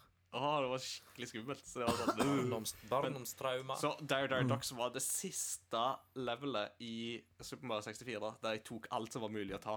Mm. Faktisk. Så ser du det. Okay, det, mitt, det verste for meg var den der klokka. Ah, den er bare vanskelig. Ja, men, men, det er eh, dårlig Jeg syns det er dårlig level-design. Men eh, det, det, det, kan det, den diskusjonen kan vi ta en annen gang. Yes, jeg har to igjen. Og Ja. ehm, den neste er syns jeg er et spillmusikkmesterverk. Jeg vet at Ingar eh, Dette er en personal favorite av Ingar òg. Absolutt. Eh. Eh, og her, her lurer jeg på om vi må gå for en litt sånn eh, småsensurert versjon, siden eh, vi tross alt er jo crossover gaming, så Jeg skal finne, eh, jeg skal finne eh, Så vi må finne en fami familievennlig versjon. Ja, en E-rata versjon.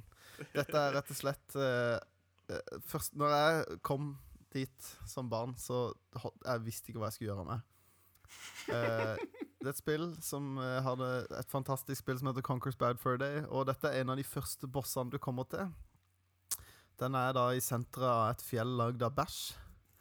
Eh, og han eh, bossen er da The Great Mighty Poo, og han synger opera til deg. Rett og eh. Og måten du beseirer han på, er å kaste dopapir i munnen på han. Eh, men eh, hva heter han eh, komponisten igjen? Grant Kirkhope. Ja, og det er jo han som synger også sjøl.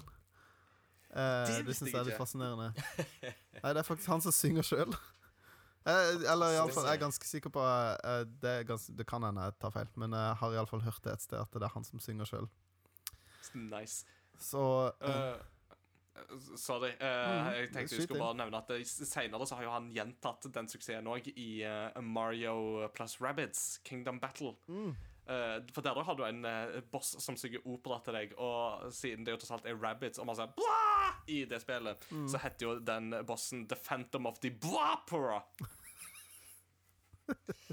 Og med de ordene så hører, vi på The, The Great Mighty Poo Me,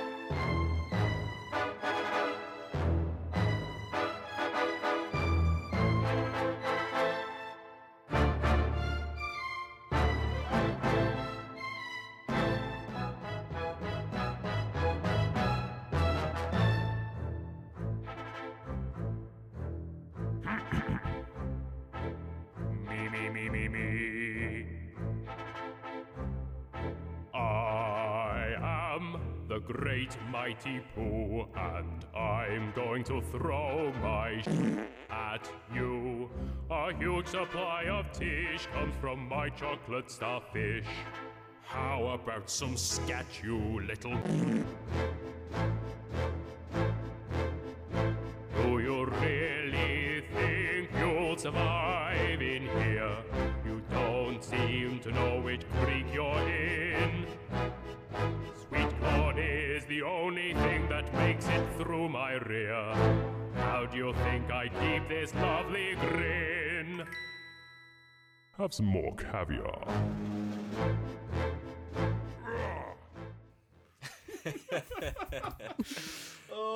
det, det, det er så Nydelig. mesterlig teit og samtidig så bra. Eh, jeg tar meg sjøl av og til å synge på den sangen, særlig mens jeg står på kjøkkenet. Ikke på do. Jeg vet ikke hvorfor, for kjøkkenet har ingenting med do å gjøre. Men uh, kanskje, det, kanskje fordi jeg syns det å lage mat er en drittjobb. Ja. Nei, jeg synes det, det er så mange detaljer der òg. At han Ja. er liksom tjukk, holder seg på magen og sier mi, mi, mi, mi, mi, mi, mi. Ja, det er jo det beste. Helt nydelig. Så eh, Hvor gammel kan jeg ha vært? 11-12 år. 13 kanskje, når jeg fikk det spillet her. Og ble eh, ganske tatt på senga av den bossen her og den sangen. Ehm, og han synger jo i sekvenser òg, så du må faktisk slå han for å høre hele sangen. Mm. Så jeg hørte den åpninga ganske mange ganger, for det tok litt tid før jeg skjønte åssen jeg skulle ta den. Uh, yes, mitt siste Uh, Min siste spillgreie Det er faktisk et moderne spill, men uh, som eh, dere sikkert kjenner meg godt nok, så er det jo et moderne spill med retromusikk. Mm. Så det er rett og slett uh, Når det spillet her kom, så Den musikken, altså. Yacht Club Ja. Games, Shovel Night. Åh, jeg håpte du skulle ta det. Når det Yes. spillet her kom, så var det bare sånn Den musikken Jeg tenkte bare Det er jo sånn her all den musikken jeg digger fra 8-bit Nintendo skulle høres ut. At du Det er bra med de begrensningene, men her har de tatt ideen om begrensningene, men utvida det på en måte som ikke går over grensene. da Altså Det er innafor, men det er ikke bare fire lydkilder Mm. og hvit støy, som det er på mye annet. Det Eh, er mest av de, altså. Så jeg tok rett og slett bare med opening theme her òg, for det, det er litt sånn den der, eh, Det første inntrykket har ufattelig mye å si. Jeg Mm. har et- spillet litt sånn dølt opening eh, theme, eller sånn title screen-musikk, eller hva man skal kalle det, så kan man bli litt sånn der. Du må bli gira. Og Ikke sant? Mm. husker ikke komponistens navn i farta. Det er akkurat det jeg holder på å slå opp nå, men jeg tror det er Jake Kaufman han heter. Ja, Jake Kaufman. Nydelig. Da hadde jeg rett. Jeg hadde, jeg hadde kjøpte det soundtracket umiddelbart. Nei, så det er bare å spisse ørene og høre på Shovel Knight. Yeah.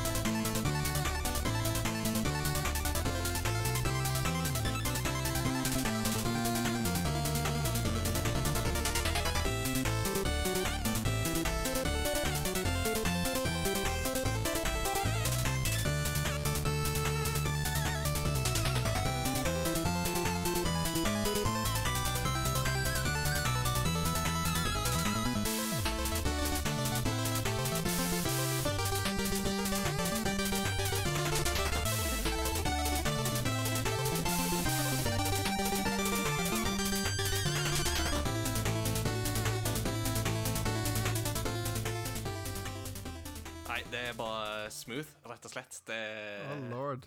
Åh, det, hele det soundtracket der. I could listen to it all day. Åh, jeg syns den der siste frasen der er så fin. Du, du, du, du, du, du. Ja, det er nydelig. Men eh, det, er noe, det er noe litt sånn Iron Maiden over det her, også med denne bassen.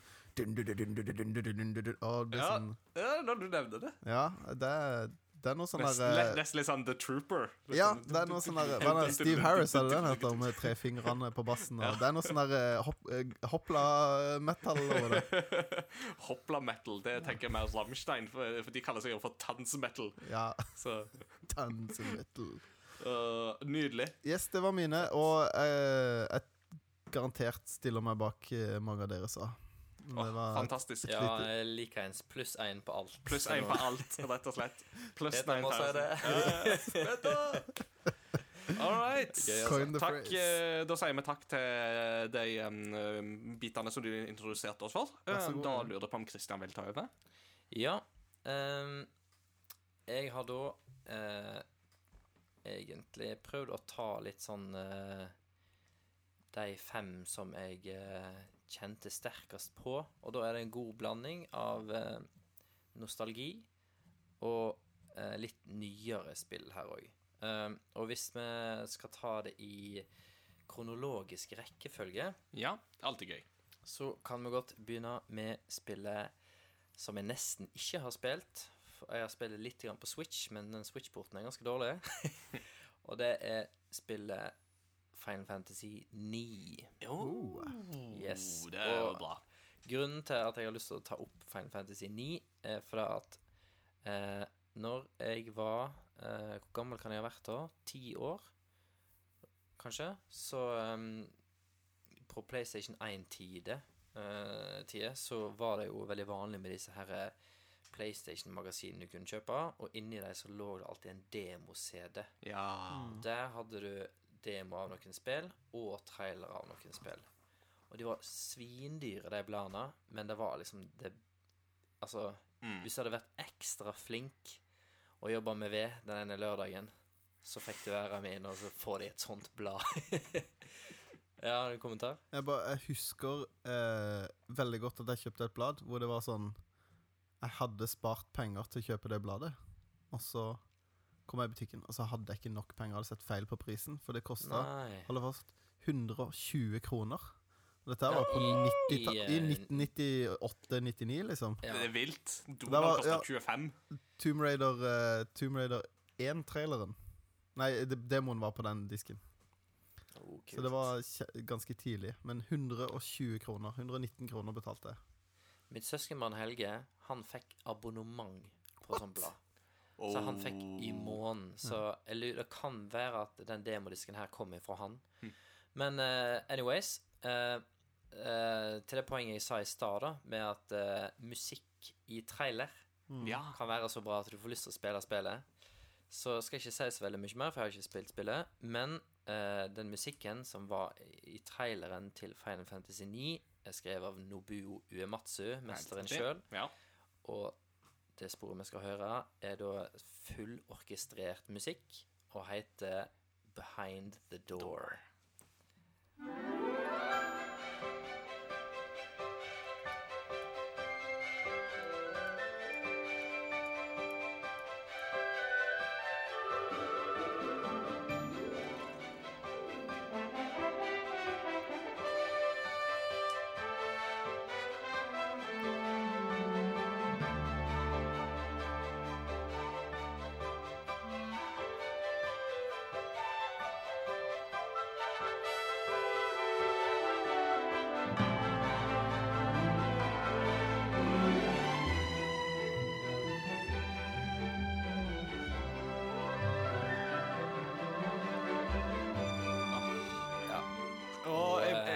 Emosjonell hver gang jeg hører det temaet. Ja, ja, og når du liksom kombinerer den musikken med det som da ble vist i den traileren, der, som er liksom toppen av CG-effekter på den tida, så ble du jo som 10-11-åring bare sånn What? Hva er dette her for noe? og det ble helt sjarmert uh, i senk. Og jeg så sikkert den traileren godt over 100 ganger. Jeg tror jeg ødela nesten den disken på bare se på nytt på nytt det ene sporet. Fantastisk. Eh, dette blir jo ikke å spoile historie eller sånne ting for det spillet for deg, men eh, dette er jo dette er jo et tema du hører helt på slutten av Ja. spillet. Så det er liksom det siste du hører før credits og credit-temaet kommer. Når du kommer gjennom ja. spillet, Ja, og, og- og det er liksom bare den forløsende effekten som den videoen og den musikken har på slutten av det spillet der, er så fantastisk varm, og det er så mange av temaene som har gått igjennom i spillmusikken i Final Fantasy 9, som du hører i det stykket i sin helhet. Og det, alt det kombinert er jo sånn som gjør at det, det var faktisk et av de få øyeblikk noen gang der jeg har spilt et spill og felt en tåre. For det var rett så vakkert, og så forlø forløsende var det. Og jeg husker fortsatt Jeg spilte det ferdig på PlayStation Portable på en Japan-ferie en av de siste kveldene. Satt oppe kjempelenge om kvelden på hotellrommet og spilte det ferdig mot siste bossen, og så fikk jeg den der, og det var bare sånn Å, det er så vakkert! Konge. Kult. Speaking of nostalgi, nå kjenner jeg at jeg har gåsehud på lårene mine når jeg, når jeg hørte det Er det på dine spillår? Så du har er sikkert derfor. Men uh, det blir en lang episode, det her, så jeg bare hopper videre. jeg. Ja. Uh, hvis vi skal gå på neste spor i den kronologiske rekkefølgen, så var det et uh, PC-spill som jeg lenge hadde ønska meg. Jeg hadde sett det i diverse blad, magasin vi hadde hjemme. Eh, sånn type aktig platekompani-magasin. Og hos uh, mitt søskenbarn, Helge igjen, så hadde jeg spilt uh, ganske masse Rayman 1 i DOS, faktisk. Eller igjen via DOS. Uh, og um, så ser jeg i et magasin at wow, det skal komme en Rayman 2. Og så hadde søskenbarnet mitt eh, eh, De hadde parabol, og da fikk du jo en del andre kanaler, og der kom det plutselig en reklame for spillet Rayman 2. Og bare, wow, se på det der, da. 3D. Det ser jo enda bedre ut enn eh, Mario 64, tenkte jeg. uh, og så ønsker jeg meg det kjempelenge, i flere år, og så plutselig kommer fatter'n hjem ifra en uh, Han reiste ganske masse med jobben, uh, en utenlandsreise, og da kom han hjem med Rayman 2, The Great Escape På Gamebox. på Gamebox. og nå skal vi høre et spor som du får eh, høre på andre eller tredje banen når du da befrir en fe. Og det som er ganske sånn Det som det lytteeksempelet her eh, veldig godt viser fram, er den her vanvittige eventyrfølelsen eh, du spesielt fikk som barn når du spilte det spillet her. Nice. Så her kommer da eh, Skal vi se. Navnet på sporet er altså Freeing Lee. Freeing Ja,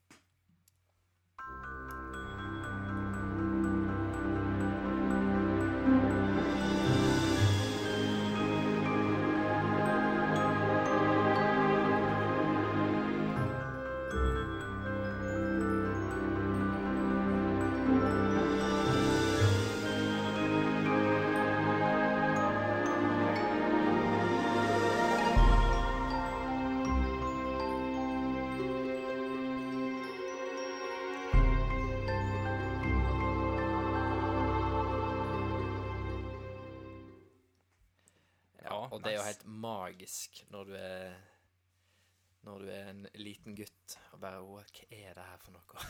Sette stemninga. ja da. Eh, så da tror jeg vi er ferdig med min eh, nostalgiske reise. Og så beveger vi oss eh, litt lenger fram i tid. Mm. Og så har jeg begynt å skjønne litt mer musikk. Skjønne litt teorien bak. Eh, så har spilt en del musikk. Og, og jeg er kanskje blitt litt mer kresen på musikk både Og når det kommer til spill. Um, og så um, spiller jeg et uh, spill som jeg har uh, gleda meg lenge til. Som er på en måte regna som eh, eh, sva, den siste svanesangen, er ikke det de sier, til uh, PlayStation 3. Mhm. Og det er da det mesterlige spillet The Last of Us. Og her har du et eksempel på eh, når eh, komponisten Nå glemte jeg å si komponist i stad. Komponisten bak Rayman 2 er altså Eric eh, Chevalier. Chevalier? Jeg tror han er Chevalier? fransk. Ja. Ja. Eh, og Last of Us, der er altså komponisten og gitaristen Gustavo San Santonini, er det ikke? Santalala? Santalala er det. Ja, Santalala. Ehm, og han eh, Måten han kombiner, komponerte i hvert fall det, til det spillet her, var at han bare satte seg i studio og fant et instrument, satte i en tuning bare, Ja, det her føles kult. Og så satt han bare og spilte. Og så gikk han ut av studio opptaksrommet etterpå, og så hørte han på OK, var jeg inne på et kult tema her? Ja, stilig. Der. Det var fett. OK, nå går jeg tilbake, og så reinskriver jeg det litt. Grann. Og eh, han spiller vel på en slags nylonstrengs gitar på det stykket som vi skal høre her nå, som er hovedtemaet. Det heter The Last of Us. Uh, og jeg syns det er sånn perfekt I det spillet her så er musikken en perfekt blanding av bare stemningssettende og veldig i bakgrunnen, uten at det stikker seg ut. Men når det skal stikke seg ut, som det gjør nå her etter du har spilt åpningsfrekvensen, uh, så kommer da det temaet her. Og det er kanskje noe av det eneste som er sånn tydelig tema i spillet. Mm. Så nå får vi da høre, etter du har spilt åpningsscenen, så kommer da The Last of Us-temaet.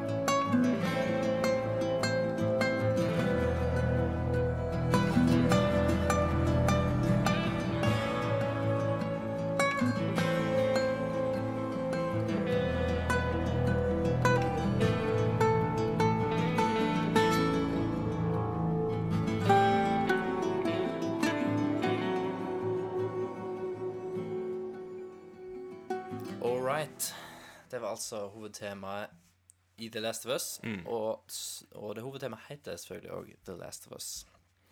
Um, Utrolig gjenkjennelige toner der. Det er sånn Når du hører starten på det gitarspillet der, så vet du med en gang hva som kommer. bare alt som skjer i bakgrunnen. Liksom eh, munnspill brukt som en, et bakgrunnsinstrument, og, ikke, og ikke som et solistisk framstikkende greie. Så ja, en uh, mesterlig komposisjon og innspilling der. Ja, det blir veldig spennende å se hva jeg får til med toen. Mm. Og nå kommer et nytt eksempel på uh, et spill som jeg ikke hadde tenkt å spille. Og så så jeg en anmeldelse av Level Up av det spillet her. Og det, det var i starten Xbox eksklusivt. Mulig det var til PC òg. Og så etter hvert så fikk jeg spilt det på PC sjøl. Eh, og i den anmeldelsen så, var, så ble det nevnt liksom musikken eh, i spillet. At det liksom var mesterlig musikk. Og så ble det spilt av litt grann musikk i den anmeldelsen. Og jeg bare What? Hva er dette her for noe? Og da, heldigvis, så lå musikken ute på Spotify. Og det er da musikken til spillet Ori and the Blind Forest. Og med den komponisten som jeg allerede har nevnt noen ganger her nå allerede. Gareth Coker. Gareth Coker, ja. Og eh, det som er så En sjanger jeg er veldig glad i sjøl, er litt den der irske, skotske folkemusikkpakken. Mm. Og det temaet her, eller musikken i det spillet her, spesielt det temaet her, eh, føler jeg er en nydelig sånn orkestrert versjon av den folkemusikktypen. Ja. Og hvis vi, Mats Jakob, høyre ifra 050 der, mm. eh, så skal vi nå få høre andre sporet på soundtracket, som er en del av åpningssekvensen, som heter Narrow Embracing the Light. Det her blir du mektig glad av.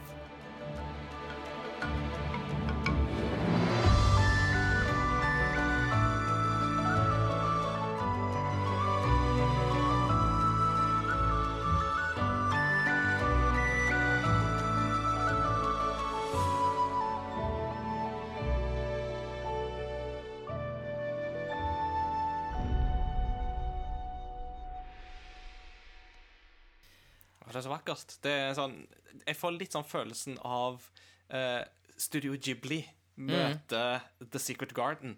Ja, På en ja. måte. Gir det mening? Ja, det gir mening. Og bare for det som du nevnte tidligere, Mats Jakob. Uh, når, jeg, når jeg fant det, musikken der, og satt det på hjemme første gang, så kom uh, kona inn og bare What? Hva, hva, hva er det du hører på for noe? Det der var nydelig. Og så har det endt opp med at det er den eneste spillmusikken som hun hører på, da. Aktivt, liksom. I, en, eh, i spillelista si. Godt valg. Ja, så Og et nydelig spill, og resten av soundtracket der er òg helt fantastisk. Eh, Absolutt. men det siste spillet som jeg har valgt her, låter veldig annerledes enn de andre tingene vi har hørt nå. Eh, nå har vi jo hørt tre eksemplar på litt sånn orkestrert musikk, og et veldig sånn gitarbasert eh, stykke. Men eh, en sjang, en spilltype det blir snakka veldig, veldig lite om i den podkasten her, er mobilspill. Ja. Eh, og et av de aller, aller, aller beste, både objektivt sett og subjektivt sett, mobilspillene der ute, er spillserien Monument Valley. Ja. Og eh, Nå husker jeg ikke hva det heter, men det er, en, det er et bilde som er, som er en sånn optisk illusjon. Hvis jeg ser for dere den her trekanten, eller firkant, med, med trapper som går i hverandre, og så når du titter på bildet, så er det umulig å skjønne hva for en trapp som egentlig ligger øverst. Og hva som ja, ligger nederst. det er en sånn eh, Å, jeg husker godt hva det heter. Det dukker opp i Inception og sånt òg, om det heter sånn Ja. rosentrapp eller et eller annet. Jeg husker ikke helt, Ja. men uh... Og det er veldig tydelig at det spillet her er inspirert av den typen optiske illusjoner. Mm. Og det har veldig mye å si for eh, spillbarheten her. Eller gameplayet. Men ehm, det som virkelig, virkelig Altså, det er veldig minimalistisk og veldig rent og veldig sånn kunstnerisk spill. Veldig vakkert. Eh, men, men det som ehm, Det som virkelig får skinne her, er musikken. Og spesielt i Monument Valley 2. Eh, vil du skyte inn, eh, Ingar? Eh, Jeg ville bare skyte inn eh, bare, Jeg kalte det en rosentrapp, og det var ikke helt riktig, men Penrose Stairs er det det heter. Ja. Dette, er denne optiske illusjonen. Og eh, jeg hadde lasta ned, eh, eller kjøpt og lasta ned og spilt Monument Valley 1. Og så gikk det vel et år eller to, og så dukka det opp en trailer til Monument Valley 2. Og det som jeg da ble, eh, ble mest eh, irritert over, eller syntes var litt sånn kjipt, var ikke nødvendigvis at Monument Valley 2 ikke var ute, men at soundtracket ennå ikke var ute. For i traileren til Monument Valley 2, som du òg får høre i spill, hvis jeg husker riktig, er eh, da musikk laga av eh, Todd Baker. Ikke Troy Baker, men Todd Baker. Og det her er ganske elektronisk musikk. Så nå, eh, som mitt siste spor her, så skal vi få høre Og det her er jo nok et eksempel på musikk i trailer er så bra at du får lyst til å spille spillet. Så det her er da musikken i announcement-traileren til Monument Valley 2. Og det ligger òg på soundtracket til spillet på Spotify. Let's check it out.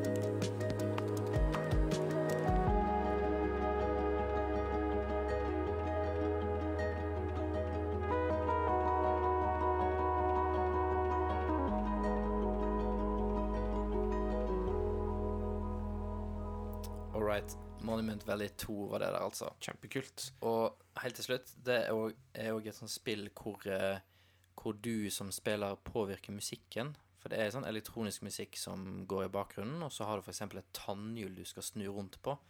Og i det du snur på tannhjulet, så gir tannhjulet liksom ikke bare en tone, men det gir en arpeggio, da, altså flere toner etter hverandre, i det tempoet du skrur, så du kan på en måte spille med låten eh, ved å ta tak i ting i i, eh, i universet, og hvis du er musikalsk og opptatt av timing, så velger du å dra i tingene i takt med musikken, men du er ikke nødt til å gjøre det. Altså, ja.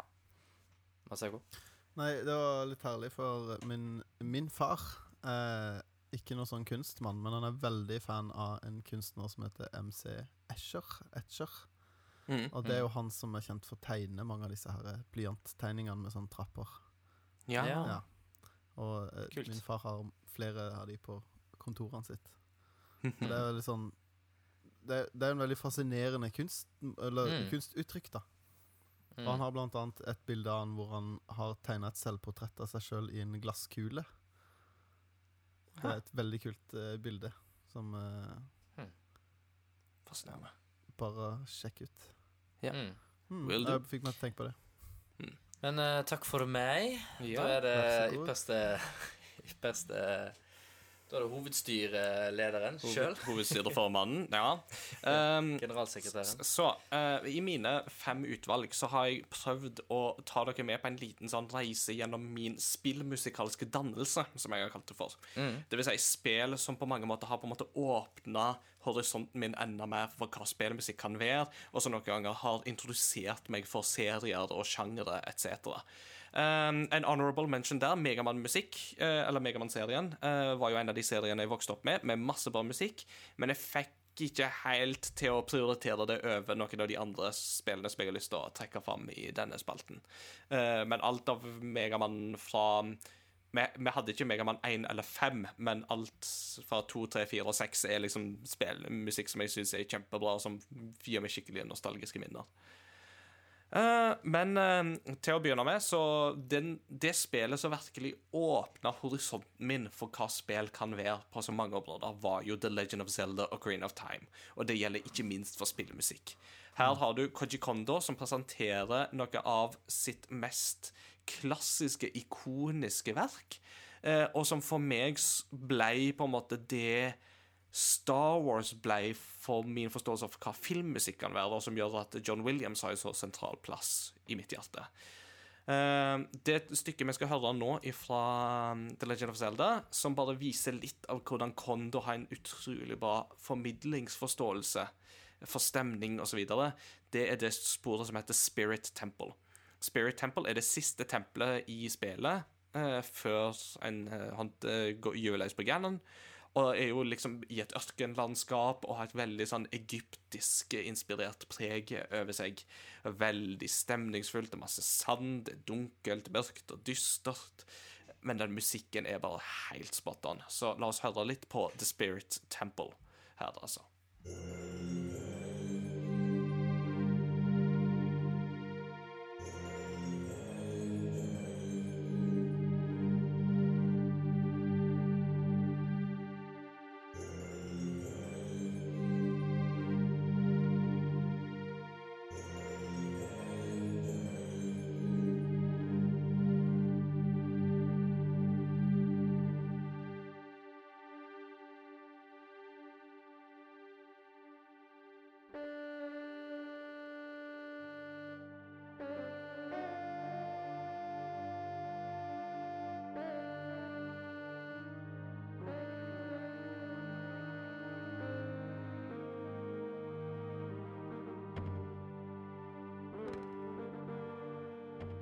Så det er noe med liksom hele stemninga som du da får formidla der, som jeg syns er kjempebra, og som oppbygninga der er ikonisk, altså. Mm. Den neste serien som jeg da vil innom, og den andre store grand master i spillmusikk for min del, er jo da selvsagt Nobuo Uematsu, som vi har vært innom før. Og denne gangen så vil jeg faktisk trekke fram et um, spill som ikke er favoritten min i denne sjangeren, eller, eller i den serien, mener jeg, men jeg ville trekke fram Final Fantasy 5 i denne omgang, og Ja. et spor som heter Clash on the Big Bridge, der du slåss mot Gilgamesh. Um, det som er Min historie med Final Fantasy var faktisk at det begynte for meg med musikken. Jeg ble introdusert for Final Fantasy-musikken, og da gjennom coverbandet The Black Mages.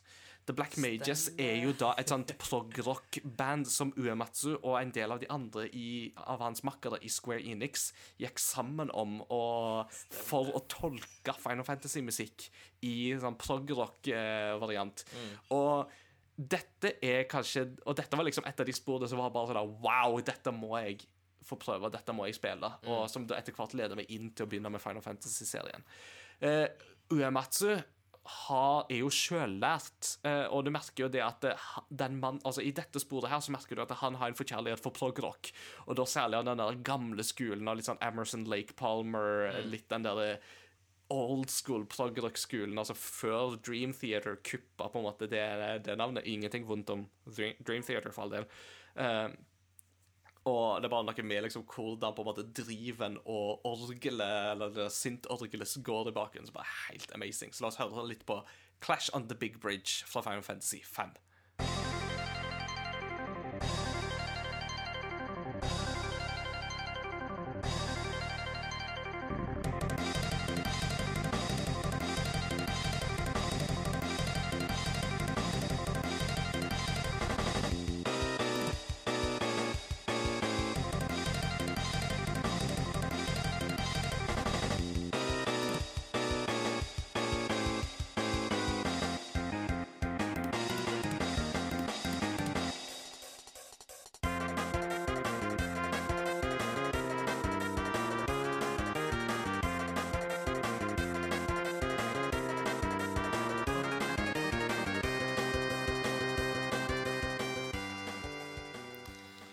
Og det er bare å, det, det, det driver i den, i den track, i det, det sporet der. Og dette er ikke for liksom siste bossen eller noen ting. Altså Gilgamesh er bare en mellomboss. mm. Et eller annet sted uti. Men Gilgamesh er jo da en rollefigur som har dukka opp ved flere anledninger i Final Fantasy, og som har fått det temaet tolka mange ganger. Det er, igjen Iron Maiden-driv. Det var veldig sånn eh, Ja, ja, ja. galopp, eh, galoppmusikk. Og denne her der det Som er sånn altså, kjempedriv. Den, dette er en låt som jeg har lært meg på piano i liksom pianoarrangementet, og det er, det er så gøy å spille den låta. Det der Jeg Når du sa Dream Theater, så bare hørte jeg for meg John Petrucci bare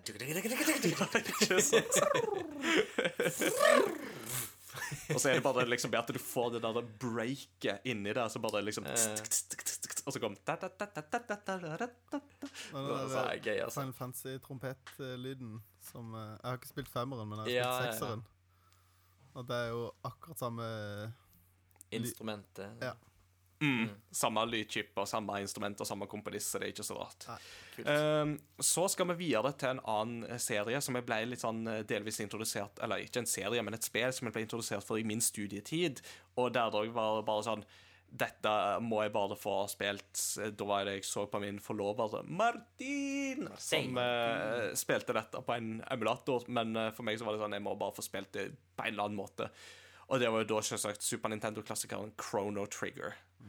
Eh, nå i farta så har jeg selvsagt glemt å slå opp eh, komponisten, men jeg tror det er Yasahiro Jeg lurer på om det står nederst her. At det er av eh, Nei, jeg har klart å glemme hvem det er som er komponist, og det er egentlig litt flaut. Uematsu var litt inne i eh, soundtracket, men det var egentlig en annen komponist som hadde hovedansvaret her på dette soundtracket.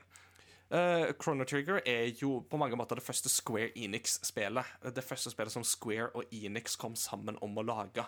Uh, med artwork av Akira Toriyama, mannen bak Dragon Ball, og bare Det er fortsatt kanskje et av tidenes aller, aller beste spill noensinne. Uh, I alle fall hvis vi snakker innenfor japanske rollespillsjangeren, så er det lite som overgår Chrono Trigger. Og hovedtemaet fra Chrono Trigger, som vi skal høre nå, er et sånt hovedtema som jeg da kan høre, og som hver gang jeg hører det, så blir jeg jeg blir både eventyrlysten og tårevåt i øynene samtidig. Eh, hjelper hjelp meg her og fortell meg at det er Yas Yasunori Mitsuda er det som har komponert musikken. Så la oss høre hovedtemaet fra Chrono Trigger.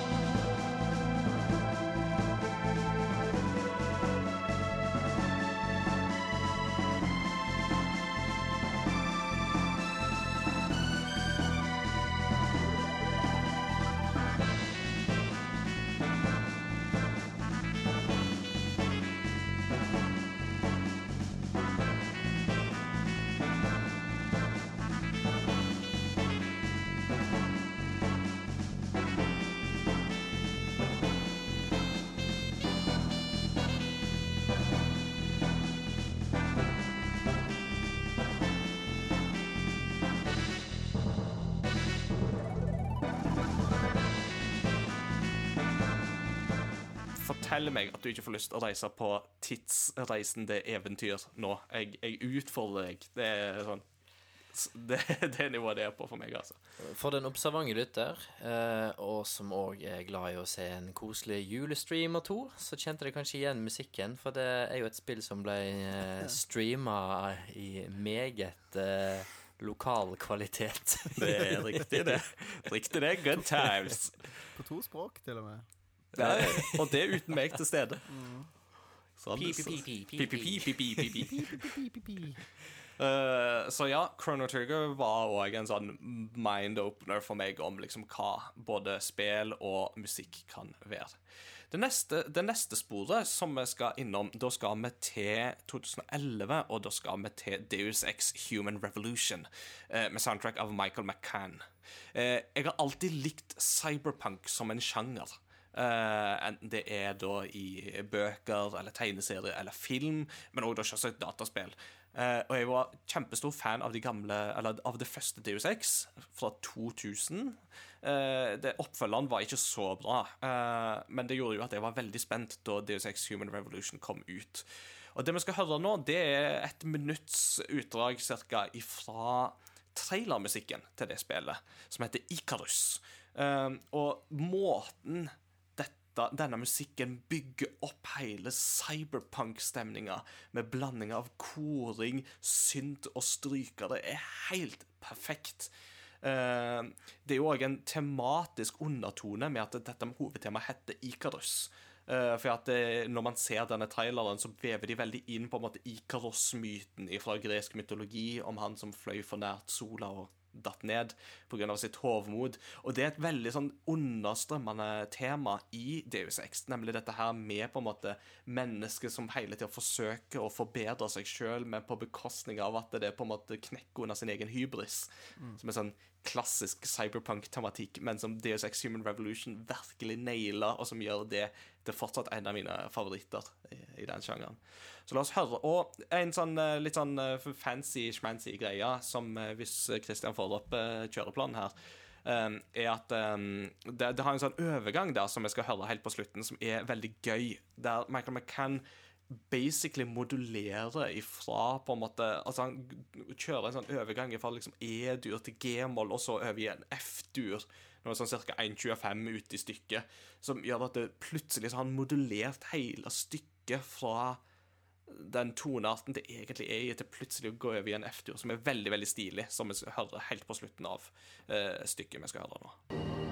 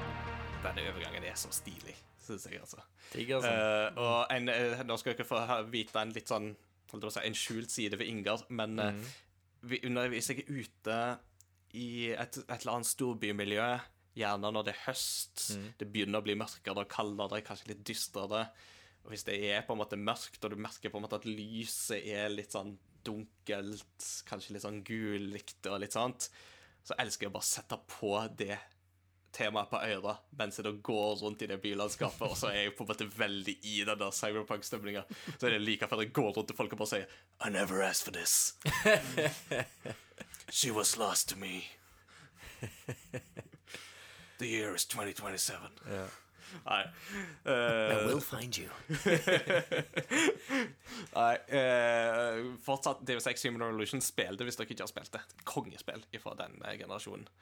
Um, og så da, har vi da kommet til liksom slutten eh, på veis ende. Jeg får en liten bonus i postludiet i dag, så eh, det, da skal jeg innom et siste tema.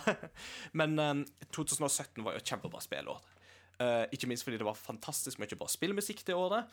Uh, og et av de spillene som virkelig kicka i meg når det gjaldt det med musikk, det var Persona 5. Eh, fabelaktig spillmusikk fra Atlas Sound-teamet der, eh, med da Shoji Meguro i spissen, som jo òg har komponert musikken til Persona 4, eh, Catherine og òg Persona 3, hvis jeg ikke tar helt feil. En mester i forskjellige sjangere. Og det som beste ordet jeg kan beskrive Persona 5-musikken med, er at det er skikkelig funky. Altså det er sånn, det, det er sånn funk, uh, West Coast-beat over det. Uh, samtidig så er det sånn skikkelig sånn driv over det noen ganger. Eh, som de òg klarer å kombinere med en sånn tech, eh, techno-beats og sånt. Stykket vi skal høre, det er Rivers in the Desert, som da er når du slåss imot eh, liksom, the main bad guy i spillet. Eh, interessant tekst som ikke alltid gir helt mening, men det er visstnok henta altså, Det er fra Esekiels bok. Uh, litt av teksten er henta om dette med å på en måte skape elver i ørkenen, som er på en måte en sånn profeti Uh, eh, en, en, en, eller sånn, en sånn mm, Herrens dag-profeti av et eller annet slag. Jeg skulle ha slått det opp, jeg glemte det. Eh, Men det er iallfall fra Esekiel. Eh, og det er noe med liksom drivet i det, og vokalen, som gir den litt sånn her eh, Du får nesten litt sånn der I'm so excited, and I just can't hide it. Det er en sånn Twisted Sister-feel over det. Eh, Veldig schwung. Så vi skal først høre bare litt av på en måte åpningsbiten. Og så skal vi etterpå på en måte hoppe litt fram i stykket eh, og høre litt ifra på en måte refrenget eh, i hermetegn. Så vi skal først høre åpningen en halv minutt, og så litt av refrenget.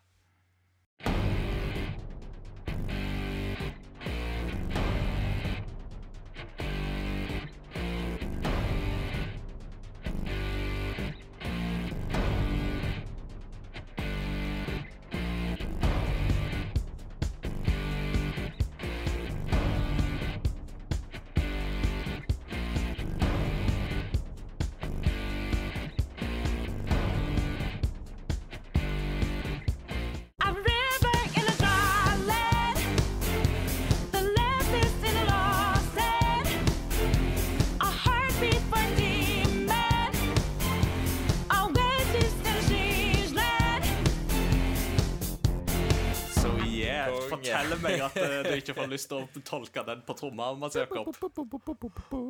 Ja, Altså- den der strykegreia som kommer inn der òg, Jeg jeg må ærlig innrømme at i starten der eh, Altså, de første 30 sekundene så tenkte jeg mer på Thunder Thunder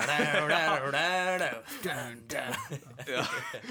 Men det er liksom det, det er sånn blanding. Det er sånn, hvis Twisted Sister møtte ACDC, møtte tekster fra Esekiels bok uh, ja, Så får du det der.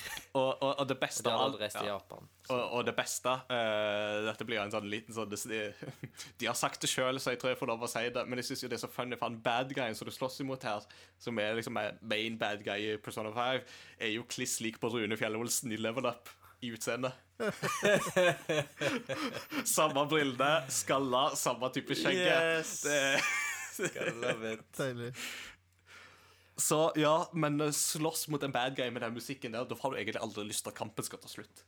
Men eh, for å runde av eh, den, eh, dette hovedtemaet, så kan vi vel alle tre kanskje si oss enig i at Raymond 2 har den beste musikken, da.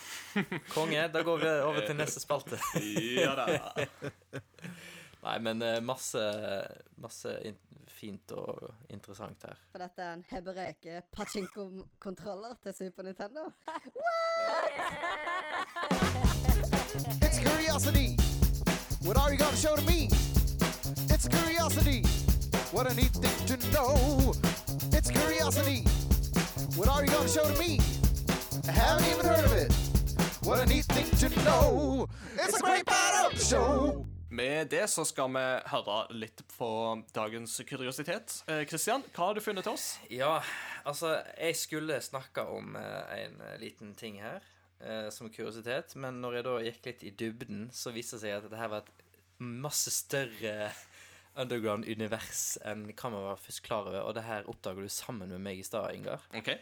For uh, i juleferien så ble jeg plutselig bevisst uh, på at um, UMD, som var da disse her filmene til eh, PSP, Ja var ikke den, den første håndholdte konsollen du kunne se en film på. What? For det viser seg at uh, filmen eh, Shrek Somebody must Den kan du se på en Gameboy Advance. What? I sånn cirka 12 frames i sekundet. Au! Au! Jeg får vondt. Og så tenkte jeg at ja, ja, det er jo litt artig, men, eh, men så skjønte jeg vel kanskje at det her ikke funker så bra. Nei da. Du har en serie som heter Gameboy Advance Video. What? hvor, eh, hvor du da eh, har uh, filma Eller du har TV-serier. Du har blant annet uh, Svampbob Firkant, har du. Og så har du Shrek, ja. Og så har du eh, Shark's Tale og um, masse forskjellig her. Og med dagens eh, teknologi så har du jo 8K-TV-er. Og da er vel oppløsningen eller en sånn her 4000P, eller et eller annet sånt, som det heter. Mens hvis du så en film på din Gameboy Advance, så hadde han som regel 160P som oppløsning. Mens disse litt sånn lengre filmene måtte de jo komprimere enda mer for å få plass til. Og så filmen Shrek er da nede i 112P. Så det er jo, det er jo Ja. Både lyd er jo helt forferdelig, og bildet er jo helt forferdelig, og Farge, fargeaspektet må jo være helt grusomt. Det er veldig grønt, tror jeg, og brunt. Så eh, hvis du er nysgjerrig, så ligger det en nydelig YouTube-klipp ute som sammenligner originalen og hvordan det ser ut på, på Game By Advance, og lyden som er brukt i den filmen, er da fra Game By Advance. Så uh, there you go. Det er Game By, Advance- Game By Advance video. Nå vet jeg hva jeg skal se etter når jeg er i Japan, på bruktmarkedet. Oh, ikke sant? Uh, det blir uh, den serien der. Det er, det er en YouTuber som heter Nintendrew, Mm. eh, som har en video om For han samler på litt sånn rare subsets, som han kaller det. Altså under, undersamlinger av ting. Og da har han da samla inn alle Han har alle videokartsene til Gameboy Advance. Og han Åh, går litt sånn i dybden på dette her, for dette det var for, for En annen ting som er litt sånn random med det, er jo at det tok kjempelang tid før de klarte å emulere filmene. For dette, det var en helt egen Det var et helt eget chipset. Det er helt et opp, opplegg.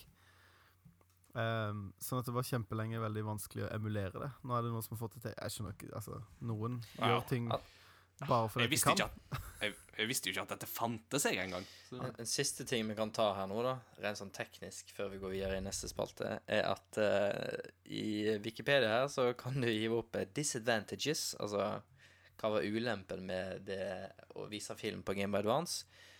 Og da har du at eh, som regel så hadde du plass til 32 megabyte totalt. For å se en fullblodsfilm med lyd og alt mulig. Åh, hjelpes. All right. Styr unna, altså. Det er som å se Netflix på en Commodore 64, liksom. Det er jo helt Ja. ikke sant? Å,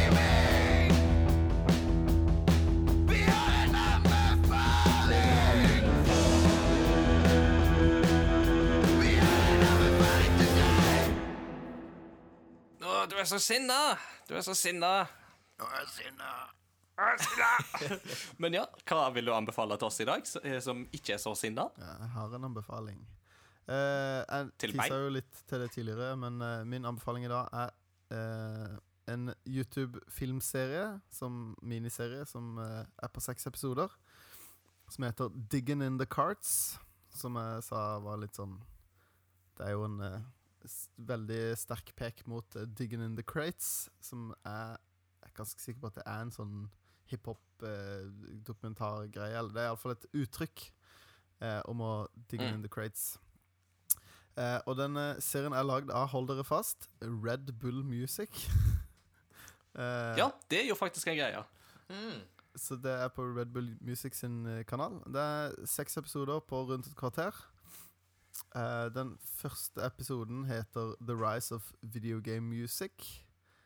Uh, og så episode to er den episoden som jeg snakka litt om i stad, som heter The Outer Reaches of 8-Bit.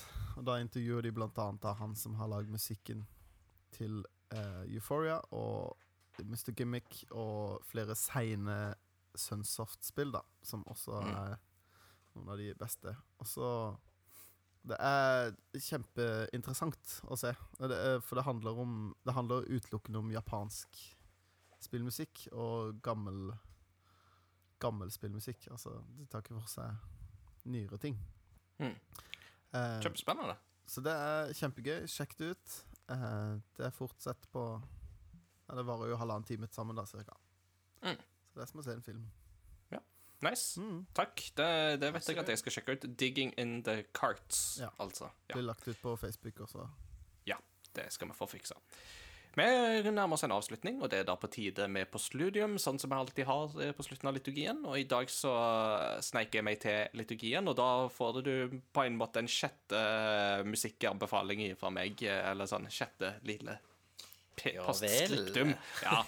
Eh, det var ett soundtrack som jeg ikke tok med, men som jeg hadde lyst til å nevne i den spalten, men jeg får jo nevnt litt nå. Um, og det, det er musikken fra Near Automata.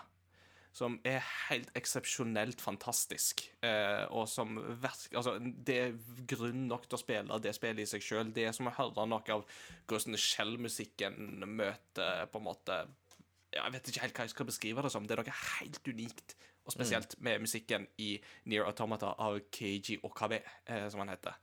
Fabelaktig produksjon.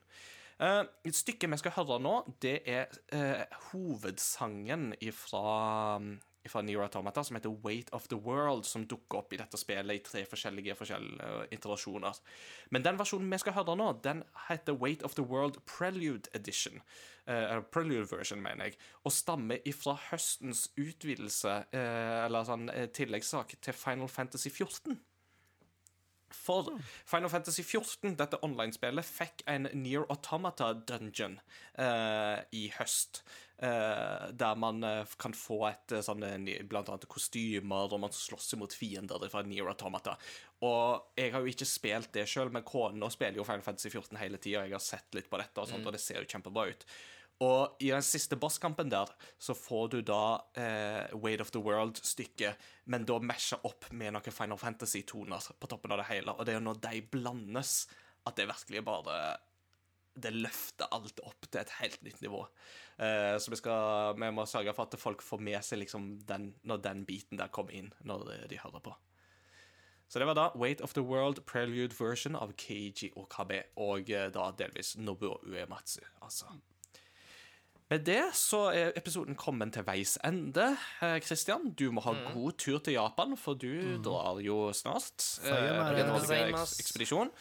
Eh, Jeg og Mats Jakob vi skal styre skuta mens du er vekke. Eh, Få inn et par gjester skal vi få til. Litt usikker på én en av dem, men vi har én gjest allerede i boks, så det blir eh, veldig bra.